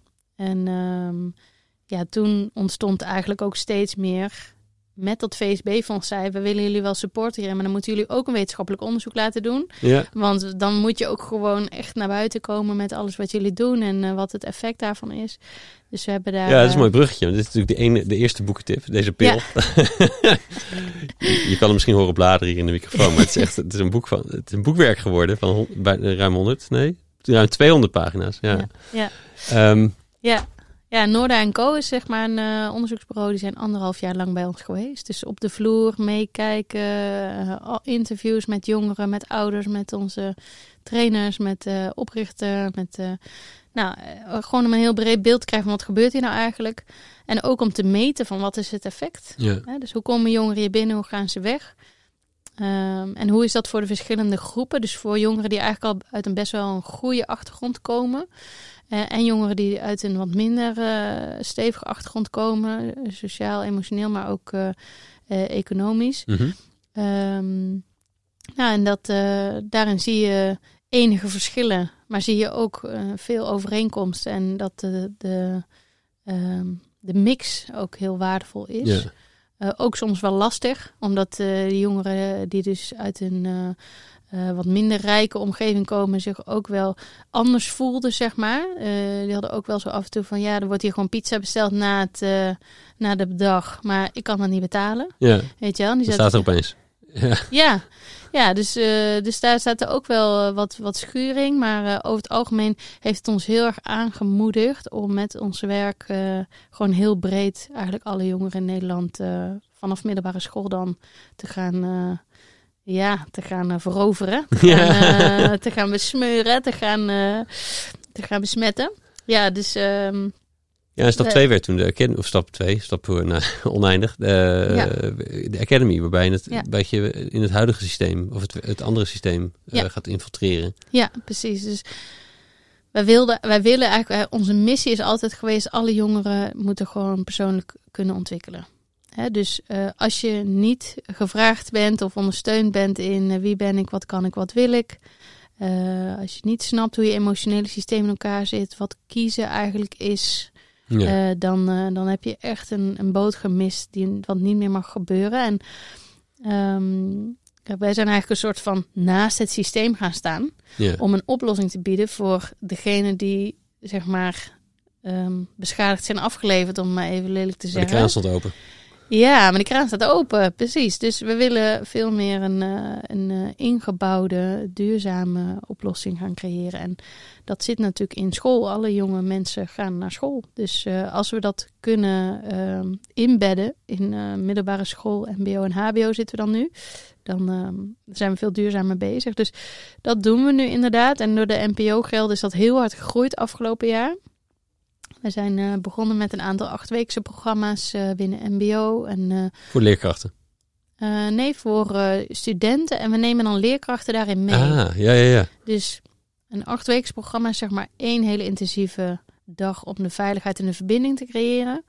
Um, en vervolgens zes dagdelen die dan gaan over dat we gaan boksen bijvoorbeeld met ze. Of met keuzes aan de slag. Of met wat uh, zijn nou je patronen en escapes? Of je, je power, purpose, pleasure, je meervoudige intelligentie. Nou, dat zijn allemaal verschillende blokjes. En de einddag is dan een creative arts. Dus dan geven ze allemaal op hun eigen manier een presentatie van dit ben ik, of dit inspireert mij, of dit wil ik in de wereld zetten. Nou, super vet groepsproces. En uh, ook uh, heel waardevol om docenten daar dus op in de praktijk zeg maar in mee te nemen van zo doen wij dat, maar ga zelf ook eens doen. He, dus we doen altijd energizers en een check-in Mhm, bijvoorbeeld. Nou, dat- zij gedurende die acht weken dat dan ook zelf al gaan doen. Dat wij daarbij zijn, dat we ze weer feedback kunnen geven. En zo ehm, ja, vinden wij dat gewoon super waardevol om samen te leren in de praktijk met de jongeren. Mm. Ja. Ja, mooi. Ja, ja, en dus eh, we doen dat nu door het hele land eigenlijk. En eh, ja, ik, ik zie van, we zijn pas net begonnen. En, Ja. eh, ik ben er ook alweer, ik heb afgelopen week gesproken met, met de voorzitter van de vereniging van Agora. Ik weet niet of je dat kent. Ja.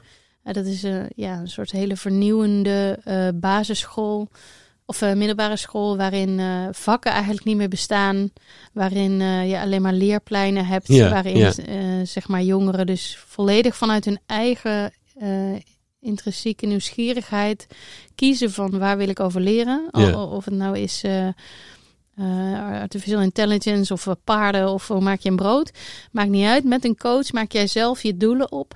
Van hoe ga ik daarmee aan de slag? Wat wil ik dan uiteindelijk daaruit halen? Wat wil ik geleerd hebben?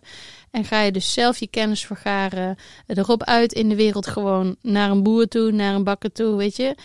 En eh, dan maak je daar een film van of maak je daar een presentatie van. Gewoon super creatief, hands-on, vanuit jouw eigen eh, eh, interesse. En uiteindelijk, na dat dus jaren gedaan te hebben en ook met elkaar gedeeld te hebben en heel erg als een groep te hebben gefunctioneerd, dus ook goed te kunnen samenwerken, dat Ja. soort dingen. Ja, gaan zij in drie, drie maanden blokken voor het eindexamen. Ja. En dan eh, halen ze dat. ja. maar het is gewoon binnen, het is gewoon een, een normaal geaccrediteerde school. Ja. Zeg maar. Ja. Ik weet niet of het Ja. met middelbare scholen ook zo heet eigenlijk, maar Ja, ja en Dus ik heb hem dus gebeld van, ik wil eigenlijk gewoon daar naartoe, zeg maar. Want wij, wij bieden echt het broodnodige, zeg maar. En je ziet nu ook in de krant iedere dag, jongeren komen zo tekort als het aankomt. Maar zouden jullie dan dus ook middelbare scholen willen starten? Ja, nou, dit is misschien wel eh, waar we naartoe gaan. Ik, ik weet het niet. Het, het zou zomaar kunnen, want eh, daar kom je wel op uit als je, als je uiteindelijk wilt dat wij willen. Namelijk dat, het, dat school een plek is waar jongeren in hun kracht eh, gezet worden. Of niet eens gezet worden, dat ze altijd gewoon in hun kracht mogen blijven. Want Ja. kinderen zitten gewoon in hun kracht vanaf hun begin. Maar wij halen ze eruit. Ja. Doordat wij denken, vanaf de basisschool al, te beter te weten dan zij zelf hoe zij zich moeten ontwikkelen. Ja. ja, precies. En dan kan je via de Academy al die ehm, steeds meer van die, dit soort leraren of docenten besmetten met hetzelfde, hetzelfde idee. Of, maar dan heb je nog steeds het, het UVSV-probleem dat er systemisch nog steeds een andere cultuur heerst dan alle lieve meiden die daar zitten. Ja, Ehm, ja. En dat, dat zij elke keer blijven botsen tegen de rand van ja, maar we hebben maar zo weinig tijd, et cetera. Dus het is een beetje, zeg maar, hele kleine stapjes voor je gevoel. mm, Soms heb ik het idee dat we een beetje een pleistertje plakken waar een operatie nodig is. ja, Hè? Maar ik zie wel dat in transformatie, zo'n grote transformatie als onderwijs transformatie, ik wil het niet eens vernieuwing noemen, maar echt een transformatie, heb je allerlei verschillende dingen nodig. Heb je Mm. nodig dat het helemaal van de root wordt aangepakt, maar heb je ook nodig dat er nu zeg maar aandacht is voor ja, waar nu het tekort zit en wat jongeren nu nodig hebben en wat docenten nu nodig Ja. hebben om het ook daar in die ruimte die er nu is, in die praktijken van de reguliere scholen, om het daar wat in te bedden. Dus ja, het zijn allemaal druppels in de oceaan, zeg maar. En Mhm, samen mhm. maken we dat. Maar ja, ik word wel heel enthousiast van, ehm, van eh, Agora ook. Ja. In de zin van dat dat gewoon het voorbeeld is van hoe, eh, hoe je echt eh, vanuit de, de creatiekracht en de, en de intrinsieke interesse van iedere jongere hun eigen leerproces en ook het samen leren kunt faciliteren. En het is gewoon een soort bewijs van dat het nergens op slaat dat wij vakken hebben bedacht. ja. En, en dat, dat je een bepaald leertraject moet afleggen om dan vervolgens ergens te zijn. Ja, ik, ik, ik heb het zelf meegemaakt. Ik kom er nog steeds iedere dag iets meer achter hoe een fuik het is geweest. Mm. En ik bedoel daarmee helemaal niet te zeggen dat leraren niet goed bezig zijn of dat het allemaal slecht bedoeld is of zo. Maar ik, I mean, we moeten wakker worden, zeg maar, Mm. In opnieuw te begrijpen van dat wij autodidactische wezens zijn en dat wij een- niet alleen een hoofd hebben, maar ook een hart en een, en een lijf en een ziel. En dat we vanuit de holistische, hè, van al die dingen in onszelf, mogen we iedere dag opnieuw ontdekken van wat is mijn volgende stap. En kinderen die kunnen dat heel goed. Ja. Die worden gewoon heel, heel goed eh, daarin geboren. En we, we maken het moeilijk. We maken het onszelf heel moeilijk door het zo te gaan structureren en organiseren. Dat kleuters al zeg maar rechtop moeten zitten en in het lijntje moeten lopen. En natuurlijk, dat hoort er ook bij. Maar we slaan wel de plank mis met het zo te overorganiseren. Mm. Over kinderen gesproken. Eh, hoe heeft deze reis jou anders naar ouderschap laten kijken? En misschien eigenlijk daarna ook hoe andersom. Je moeder bent, hoe- Ja. hoe verandert dat Ja, je werk voor breekjaar? ja mooie vraag. Ehm, nou, het heeft elkaar heel erg beïnvloed. Ehm, ik ben blij dat ik Podi kreeg toen ik al heel veel persoonlijke ontwikkeling had doorgemaakt. Dus ik denk door, toen, toen ik op mijn 22 in die burn-out terecht kwam, wat dat was eigenlijk het startpunt. En ik ben gewoon achter elkaar, ook doordat ik er mijn werk van heb gemaakt, bezig geweest met mezelf in de spiegel aankijken. En eh, dus steeds meer ook gaan zien van, oh ja, ehm, dit projecteer ik op de wereld. Dit is eigenlijk van mij, dit komt uit mijn jeugd. Dit, eh, dit moet ik zelf aankijken in plaats van dat de hele tijd om me heen te zien of daar naartoe te wijzen. Ehm, dus ik, ja, ik denk dat ik wel een bewuste moeder ben. In de zin van dat ik, en samen met Maurits, ehm, ja, ook wel echt naar Bodhi kijk als een heel eigen wezen, zeg maar. Dus hij is gewoon, ja, ook een, een, een mensje van, eh, met een lichaam en een hart en een hoofd en een ziel. En dat heeft een eigen pad. En dat, dat gaat hij zelf ontdekken. En wij mogen zijn, ehm, zijn eh, nest zijn. Mhm. Eh, en in de jonge jaren heb je er natuurlijk ook heel veel in, gewoon heel fysiek in te doen, zeg maar. Eh, voeden, eh, Ja, ja. slapen, luiers, eh, noem maar op. Maar ik ben nu al telkens met een heel nieuwsgierig oog naar hem aan het kijken van... wat gaat hij nou doen? Wat gaat hij zeggen? Wat Ja. gaat hij... Weet je wel? En ik denk dat, dat, dat ik daar wel... En dat hebben mijn ouders ook wel gedaan hoor. Dus daar kom ik ook wel heel- echt eh, uit een heel fijn eh, voorbeeld. Ehm, maar ik denk dat de algemene blik meer is van... oh ja, ik moet ervoor zorgen dat mijn kind goed terechtkomt. Of weet je, ik moet toch wel mijn kind sturen... Dat hij, eh, want als ik dat niet genoeg doe, dan eh, komt het niet goed of zo. Weet je, dat je toch kijkt, dat er vaak gekeken wordt naar een kind alsof het nog niet compleet is. Of dat het erg nog niet, dat het iets nodig heeft om oké te zijn. En dat, dat denk ik echt niet. Nee, nee, nee. Dus ik zie hem denk ik wel als compleet. En, en andersom, zeg maar. eh, Ja. eh, ja, het heeft mij heel ge- nog meer geaard gemaakt, denk ik. Dus gewoon met mijn beide benen op de vloer. En ja, we hadden het net al even kort over van... Voordat hij er was, werkte ik gewoon echt heel veel. Gewoon Ja. Eh, was het nog steeds denk ik wel een beetje werken en feesten. ook wel wat meer eh, rust hoor. Maar ehm, doordat hij er was, verschoof gewoon mijn hele perspectief. Dus ik Ja. ben natuurlijk gewoon een half jaar daaruit geweest met de hele ehm, ja, zwangerschapseinde, eh, bevalling. Wat er ook trouwens echt een mega heftige ervaring was. Ja, zou je niet zeggen. Nee, maar dat, dat, dat was ook wel echt ehm, ja, life-changing voor mij. Die, die bevalling was gewoon heel intensief. En dat je daar dan doorheen komt en, en uh, daar dan zo'n manneke uit komt. En dat je dat allemaal mag meemaken van, van alle kleine stapjes ehm, van dichtbij van het leven. Ja, het is gewoon uh, heel, heel wonderbaarlijk eigenlijk. En brengt je heel erg terug naar de essentie. En ik denk dat dat ook wel geholpen heeft om dus ook te stappen met het werk in de essentie. Van oké, ik heb gewoon maar drie dagen aan het begin. Weet je wel, ik had gewoon drie dagen werktijd. That's it. Gewoon. Daarnaast ben ik gewoon moeder en moet ik ook uitrusten. Want het is hartstikke intensief. Uh, Bodie heeft het eerste jaar uh, niet doorgeslapen. Dus yeah. ja, dan ben je gewoon een fucking zombie eigenlijk. Gewoon. Uh. Ja. Dus het was in die zin ook gewoon. ik, ik moest heel erg op een andere manier gaan werken. En, en ik hou ervan. Want ik, ik heb het gevoel dat het nu veel meer een balans is eigenlijk. Dat ik in, in de tijd die ik heb, dat ik veel meer bezig ben met wat moet ik echt doen en wat mhm. niet. En ook delegeren en gewoon een goed team om je heen waarin mensen heel veel kunnen overnemen. En, ja, dat is wel uh, grappig, want daarvoor was je natuurlijk ook wel helemaal in die start een soort uh, koningin van het uh, teams om je heen verzamelen. Ja, ik ben wel echt een teamplayer in de zin van. Ja, maar dus het is grappig dat er toch nog een soort extra switch in lijkt te zijn gekomen.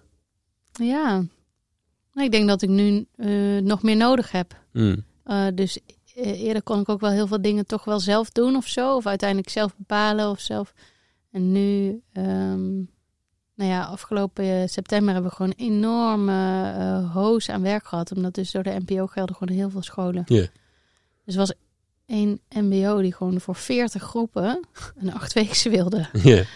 Nou, en in die tijd hebben we ook FC de Krachtpatsers overgenomen. Yeah. Wat uh, ook een trainerscollectief binnen uh, eh, VO eh, is, die heel veel behoefte had om ja, onderdeel van een groot geheel te zijn. Dus ja, daar heb ik wel echt weer gemerkt van jeetje, dit, ik heb nog lang niet het team wat nodig is om, de om deze werkdruk aan te kunnen. Ja, best next level, ja. Ja, gelukkig hebben we dan nu weer Lieke, dat is dan mijn nieuwe collega, die vier dagen in de week gewoon alle organisatorische planning, planningsdingen doet. En dan voel ik weer van, oh ja, lekker nou kan ik weer gewoon echt volop creëren. Um, maar goed, die afwisseling tussen uh, buffelen, zeg maar, om waar te maken wat je belooft. Ja. En echt die kwaliteit neer te zetten en het ook echt um, met elkaar als heel groot team. We hebben nu 80 trainers. Ja, Omdat echt. Ja, ja um, daar komt nogal wat bij kijken, zeg maar. Um, ja, omdat dus echt zo even weer helemaal in het team te zitten en zo met elkaar die kwaliteit neer te zetten. En dan een half jaar later, waar, we dan, waar ik dan nu zit, weer meer zo van: oh ja, ik ga weer lekker naar buiten en zeg maar nieuwe relaties en nieuwe mogelijkheden en vooruitzichten. En uh, ja, dat vind ik heerlijk ook hoor, die combinatie. Ja, mooi. Hey, um, in, eh, in die hele weg tot nu toe, wat, wat, wat is in jou, als je terugkijkt, wat was eigenlijk de de grootste angel die, of het hardste, het moeilijkste wat eigenlijk gedaan moest worden om breekjaar te brengen naar wat het nu is? Wauw. Wat, wat ik heb moeten doen, of bedoel je gewoon ja, voor, voor de jou denk ik, ja. ja. Um, Wauw, mooie vraag. Um, ja, wat in me opkomt is gewoon echt mezelf in de spiegel aankijken. Dus dat, dat zijn heel veel momenten geweest. Uh, ik kan me herinneren dat ik met Pi echt hele erg ruzie heb gehad op een gegeven moment. ja, omdat ik dus zo erg voelde van dit is mijn kindje en ik weet wat er nodig is. Mm. En dat hij zoiets had van, um, nou ja, hij had eigenlijk gelijk dat ik er veel te emotioneel in zat. Maar um, ik was een soort leeuwin kom niet aan mijn Lewin, dat is welp, weet je wel. Don't touch it, weet je wel. En eh, hij stond wat meer op afstand en ik stond heel erg op de vloer. Dus ik vond ook niet dat hij daar iets over kon zeggen. Oh, ja. Hij, hij heeft ook wel heel erg zijn eigen visie. Dus ik denk dat zijn ding ook wel was... Uh, dat hij iets te veel van een afstandje wilde zeggen hoe het moest. Uh, maar uh, het was ook echt uh, mijn uh, les om daar minder emotioneel in betrokken te zijn. Want dan kun je niet ehm, ja, helder kijken eigenlijk. Mm. Dan zit je helemaal vanuit je eigen bril iets te creëren. En dat is eigenlijk een beetje egoïstisch. Dat is weer wat je zei over beslissingen nemen. Op, als je te veel op, op puur of blind, nee, hoe zeg je dat? Zonder dat je die emoties even bekijkt van waar komen ze vandaan. Ja. eh, dat je dan toch, toch, toch niet de juiste beslissing maakt. Ook al doe je hem op emotie. Ja, of dat ik er dus zo in zat, omdat ik er ook zoveel mee bezig was en ook zoveel omgaf. Dus Mm. ik deed het echt met hart en ziel. Ja, Ehm, dat ik daardoor wel, ik was wel bezig. Ik had wel een coach en ik deed ook wel opleidingen. Dus ik was echt wel bezig met wa- waarom voel ik nou iets of, ehm, of hoe zit dit. Maar ehm, ik was gewoon denk ik nog niet op die plek van ehm, dat ik het ook had losgelaten echt om zichzelf te zijn. Ik denk Ja. ook dat de geboorte van Bodhi daar heeft meegeholpen. En daarvoor ben ik ook al eh, samen met Mau een half jaar op wereldreis geweest. Dus ik heb het ook twee keer een half jaar echt helemaal losgelaten. ja. Dat dat hielp. Dat je dan merkt van ja, het staat ook gewoon zonder mij, weet je wel. ja. En eh, eh, ook moeder worden van Bodhi. Ja, het is toch een kind van vlees en bloed. Is Toch nog, anders, hè? Oh, toch weer echt anders. Is nog een diepere verbinding. Ja. En ja, ja, een andere. In ieder geval merk ik meer van. mm, ja, ik denk dat de grootste angel is geweest dat ik mezelf heb aangekeken in. eh, Oké, ik denk dat ik het allemaal aan het doen ben en het allemaal aan het dragen ben en dat ik het allemaal, weet je wel, dit is all up to me of zo. En dat ik mezelf daarin eigenlijk, ja, dat, dat ik die ballon moest doorprikken van, ja, eh, is echt eh, allemaal hartstikke leuk. Maar eh, het staat op zichzelf zonder jou eigenlijk ook hartstikke goed. Ja. En als jij even jezelf, als je jezelf zo belangrijk maakt, dan staat dat in de weg van wat de organisatie nodig heeft. Ja. Ja. Het is grappig dat je dat soort kwaliteiten of, of, of valkuilen zie je altijd een beetje gespiegeld in de organisatie. En dat, dat, dat op het moment dat je het, dat, dat bij jezelf oplost, dan, dan, kan, dan komt er opeens ruimte dat anderen ook een plek kunnen innemen. Ja, ja, zeker. Ja, dus ik denk het loslaten. Mm. Ja. Hey, en de toekomst? Ja, Als, als je mag dromen, waar, wat, eh, wat, wat, gaat er allemaal, wat gaan jullie allemaal doen? ja. Nou, ik hoop dat de Academy gewoon heel groot wordt. Eh, en dat betekent dat we dus een enorme inspiratiebron en ook eh, praktische invulling gaan zijn voor eh, alle scholen die wel meer willen met eh, persoonlijke ontwikkeling, sociaal-emotionele ontwikkeling, veiligheid in groepen, bezig zijn nou ja, met alles waar we het over gehad hebben. Ehm, dat wij hen helpen, dat we de studenten en de leerlingen kunnen helpen, maar ook dus de, de, alle professionals, zeg maar, die meer tools in handen krijgen. Dat we daarmee gewoon een, een eh, school, een plek maken waar eh, alle jongeren zich veilig en thuis en geïnspireerd voelen. En eh, daarin is ook dat we meer samenwerken hè, met echt initiatieven die dat ook al helemaal laten zien. En ik, ik zie het als een soort net waarin we zeg maar alle scholen een beetje zo langzaam heel liefdevol omvatten. Ja, ja, ja, ja. de metafoor is minder liefdevol dan de bedoeling misschien. Maar de, ja. ja, meer zo van.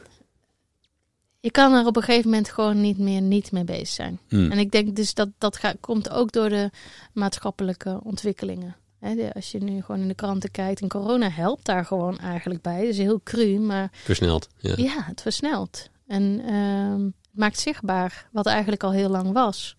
Ehm, dus we worden met elkaar gewoon gedwongen om er meer mee bezig te zijn. En, eh, en dat is pijnlijk, maar als je daar doorheen gaat, is, dat levert dat heel veel op. Ja. Ehm, ja, en, en vanuit heel breekjaar, zeg maar, hebben we dus breekjaar de jaarprogramma's en de halfjaarprogramma's. We hebben dan de Academy, maar we hebben ook Break Open zijn we nu aan het eh, opzetten. En dat is eh, een, een open therapiehuis voor jongeren die dus in de wachtrij staan voor GGZ. Oh, wauw.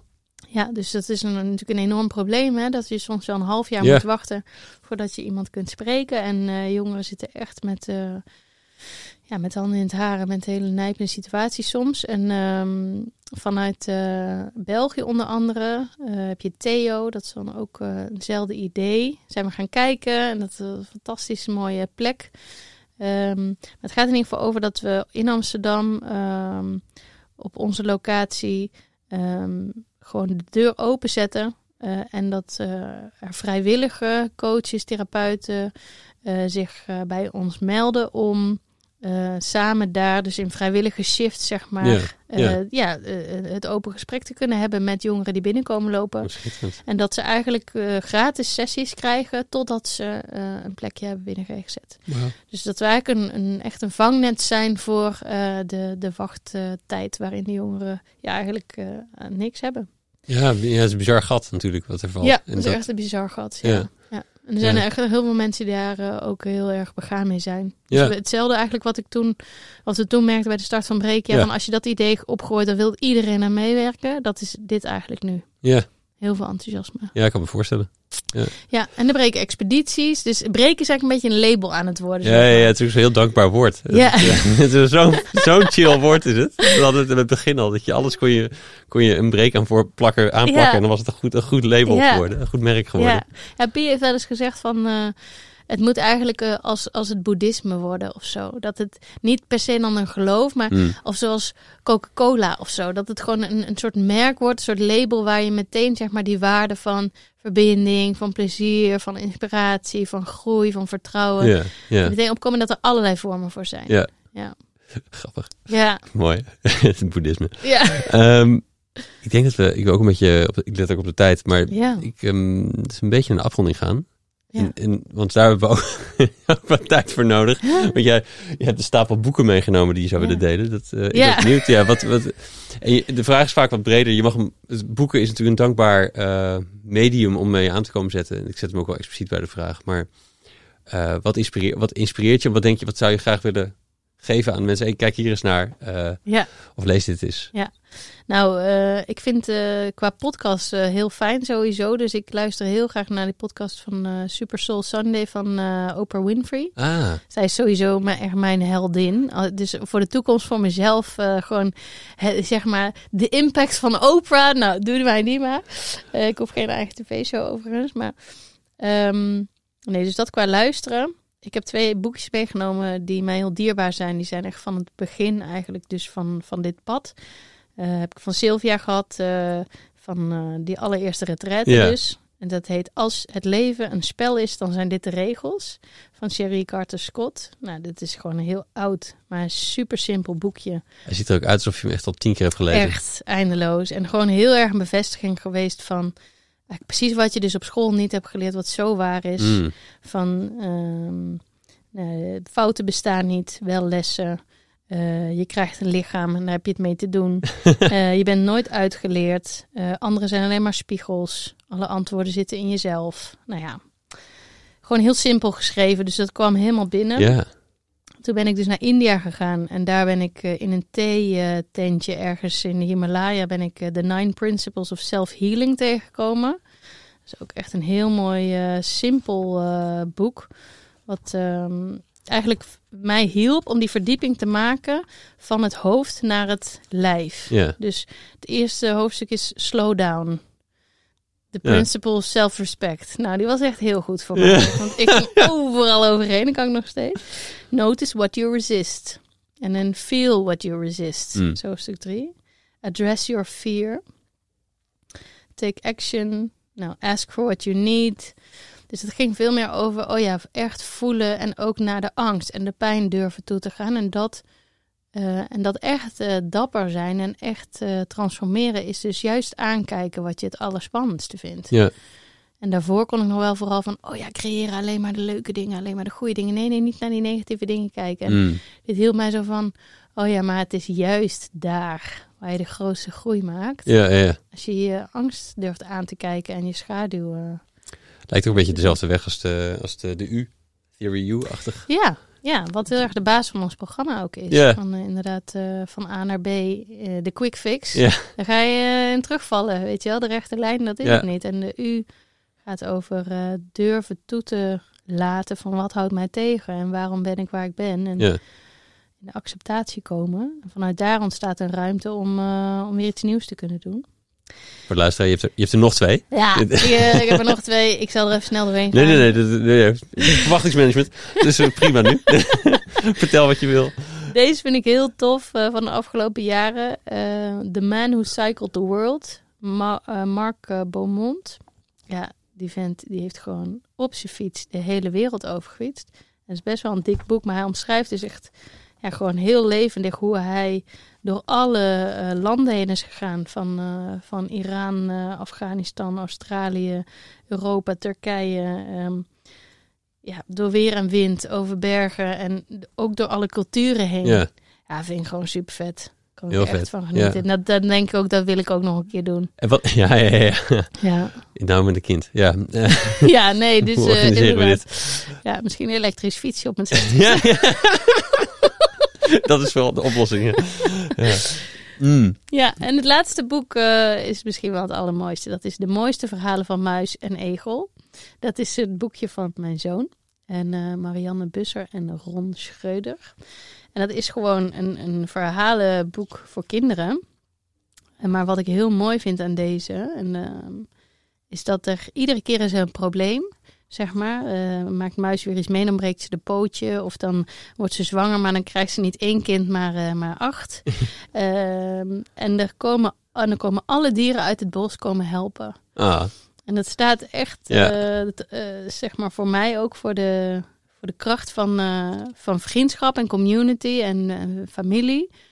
Ehm, wat mij ook ontzettend veel eh, gedaan en geholpen en ge- gesteund heeft. En waar ik echt ook op vooruit kan, zeg maar. We hebben dan een groep eh, vrienden waarmee we ook eh, naar allerlei burns en zo zijn geweest. En dat gaat ook echt over samen bouwen en weet je, als community voor elkaar zorgen. Dus als daar iets is, dan draven we allemaal voor elkaar op, zeg maar. Dus Ja. in dat verhaal van Muis, op een gegeven moment ze spreekt dan een pootje en dan gooit ze met een, eh, een eh, papieren vliegtuigje door het raam van help, ik zit hier in mijn eentje. En dan komen alle dieren, die gaan elkaar bellen en roepen en dan nemen ze allemaal spelletjes mee en smink en, en cakejes. En dan gaan ze met z'n allen om Muis heen zitten en dan maken ze er een feestje van. mooi. Ja, Oh, leuk. Deze, deze, ik, ik ken nul van deze boeken. Dat is wel, dat is wel, dat is- soms, soms krijg je dezelfde weer te horen. Maar deze klinken alle vier alsof ik ze ook eh, Ja, nu wil hebben. Ja, ja, nou. ja dankjewel. gedaan. En bedankt voor het ehm, voor je willen zijn. ja. Dit gesprek. Nou, jij bedankt. Ik vond het echt eh super leuk. Een hele mooie studio ook. We zitten hier echt eh, helemaal luxe. Ja, Ja, super. je zit, je zit hier luxe. Ja, en nou ja, dank, dankjewel voor nu, maar ook gewoon voor al het werk wat je gedaan hebt. En, en ehm, natuurlijk vooral in de, in de beginfase elkaar veel meegemaakt. En, en, en, en ik, ik, wilde, ik had van tevoren al bedacht, wat zou ik willen zeggen? Dat is precies hetzelfde eigenlijk wat je al zei, wat Patrick zei.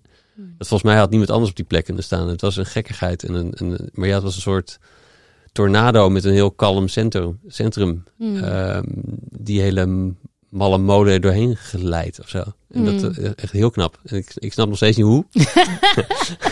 Ehm, maar nee, het is heel echt prachtig. En, en, de, en gewoon de instelling hoe je erin staat met vanuit overvloed en vertrouwen. Ehm, Mm. Heel knap. Dankjewel. Nou, super lief. Dankjewel. En eh, ja, het is misschien wel een mooie afsluiter dat wat mij heel erg helpt is om daarin inderdaad in de malle molen gecentreerd te blijven, is gewoon echt, eh, echt naar binnen gaan. Mm. En eh, zo, voor sommige mensen is dat meditatie of sporten. Of... Maar ja, noem het God, noem het eh, het universum, noem het liefde. Maar als je weer beseft van, ik ben ook maar een poppetje en ik word geleid door Mm. iets groters. En als je dat gaat volgen, dan komt er zo'n, dan wordt alles mogelijk gewoon.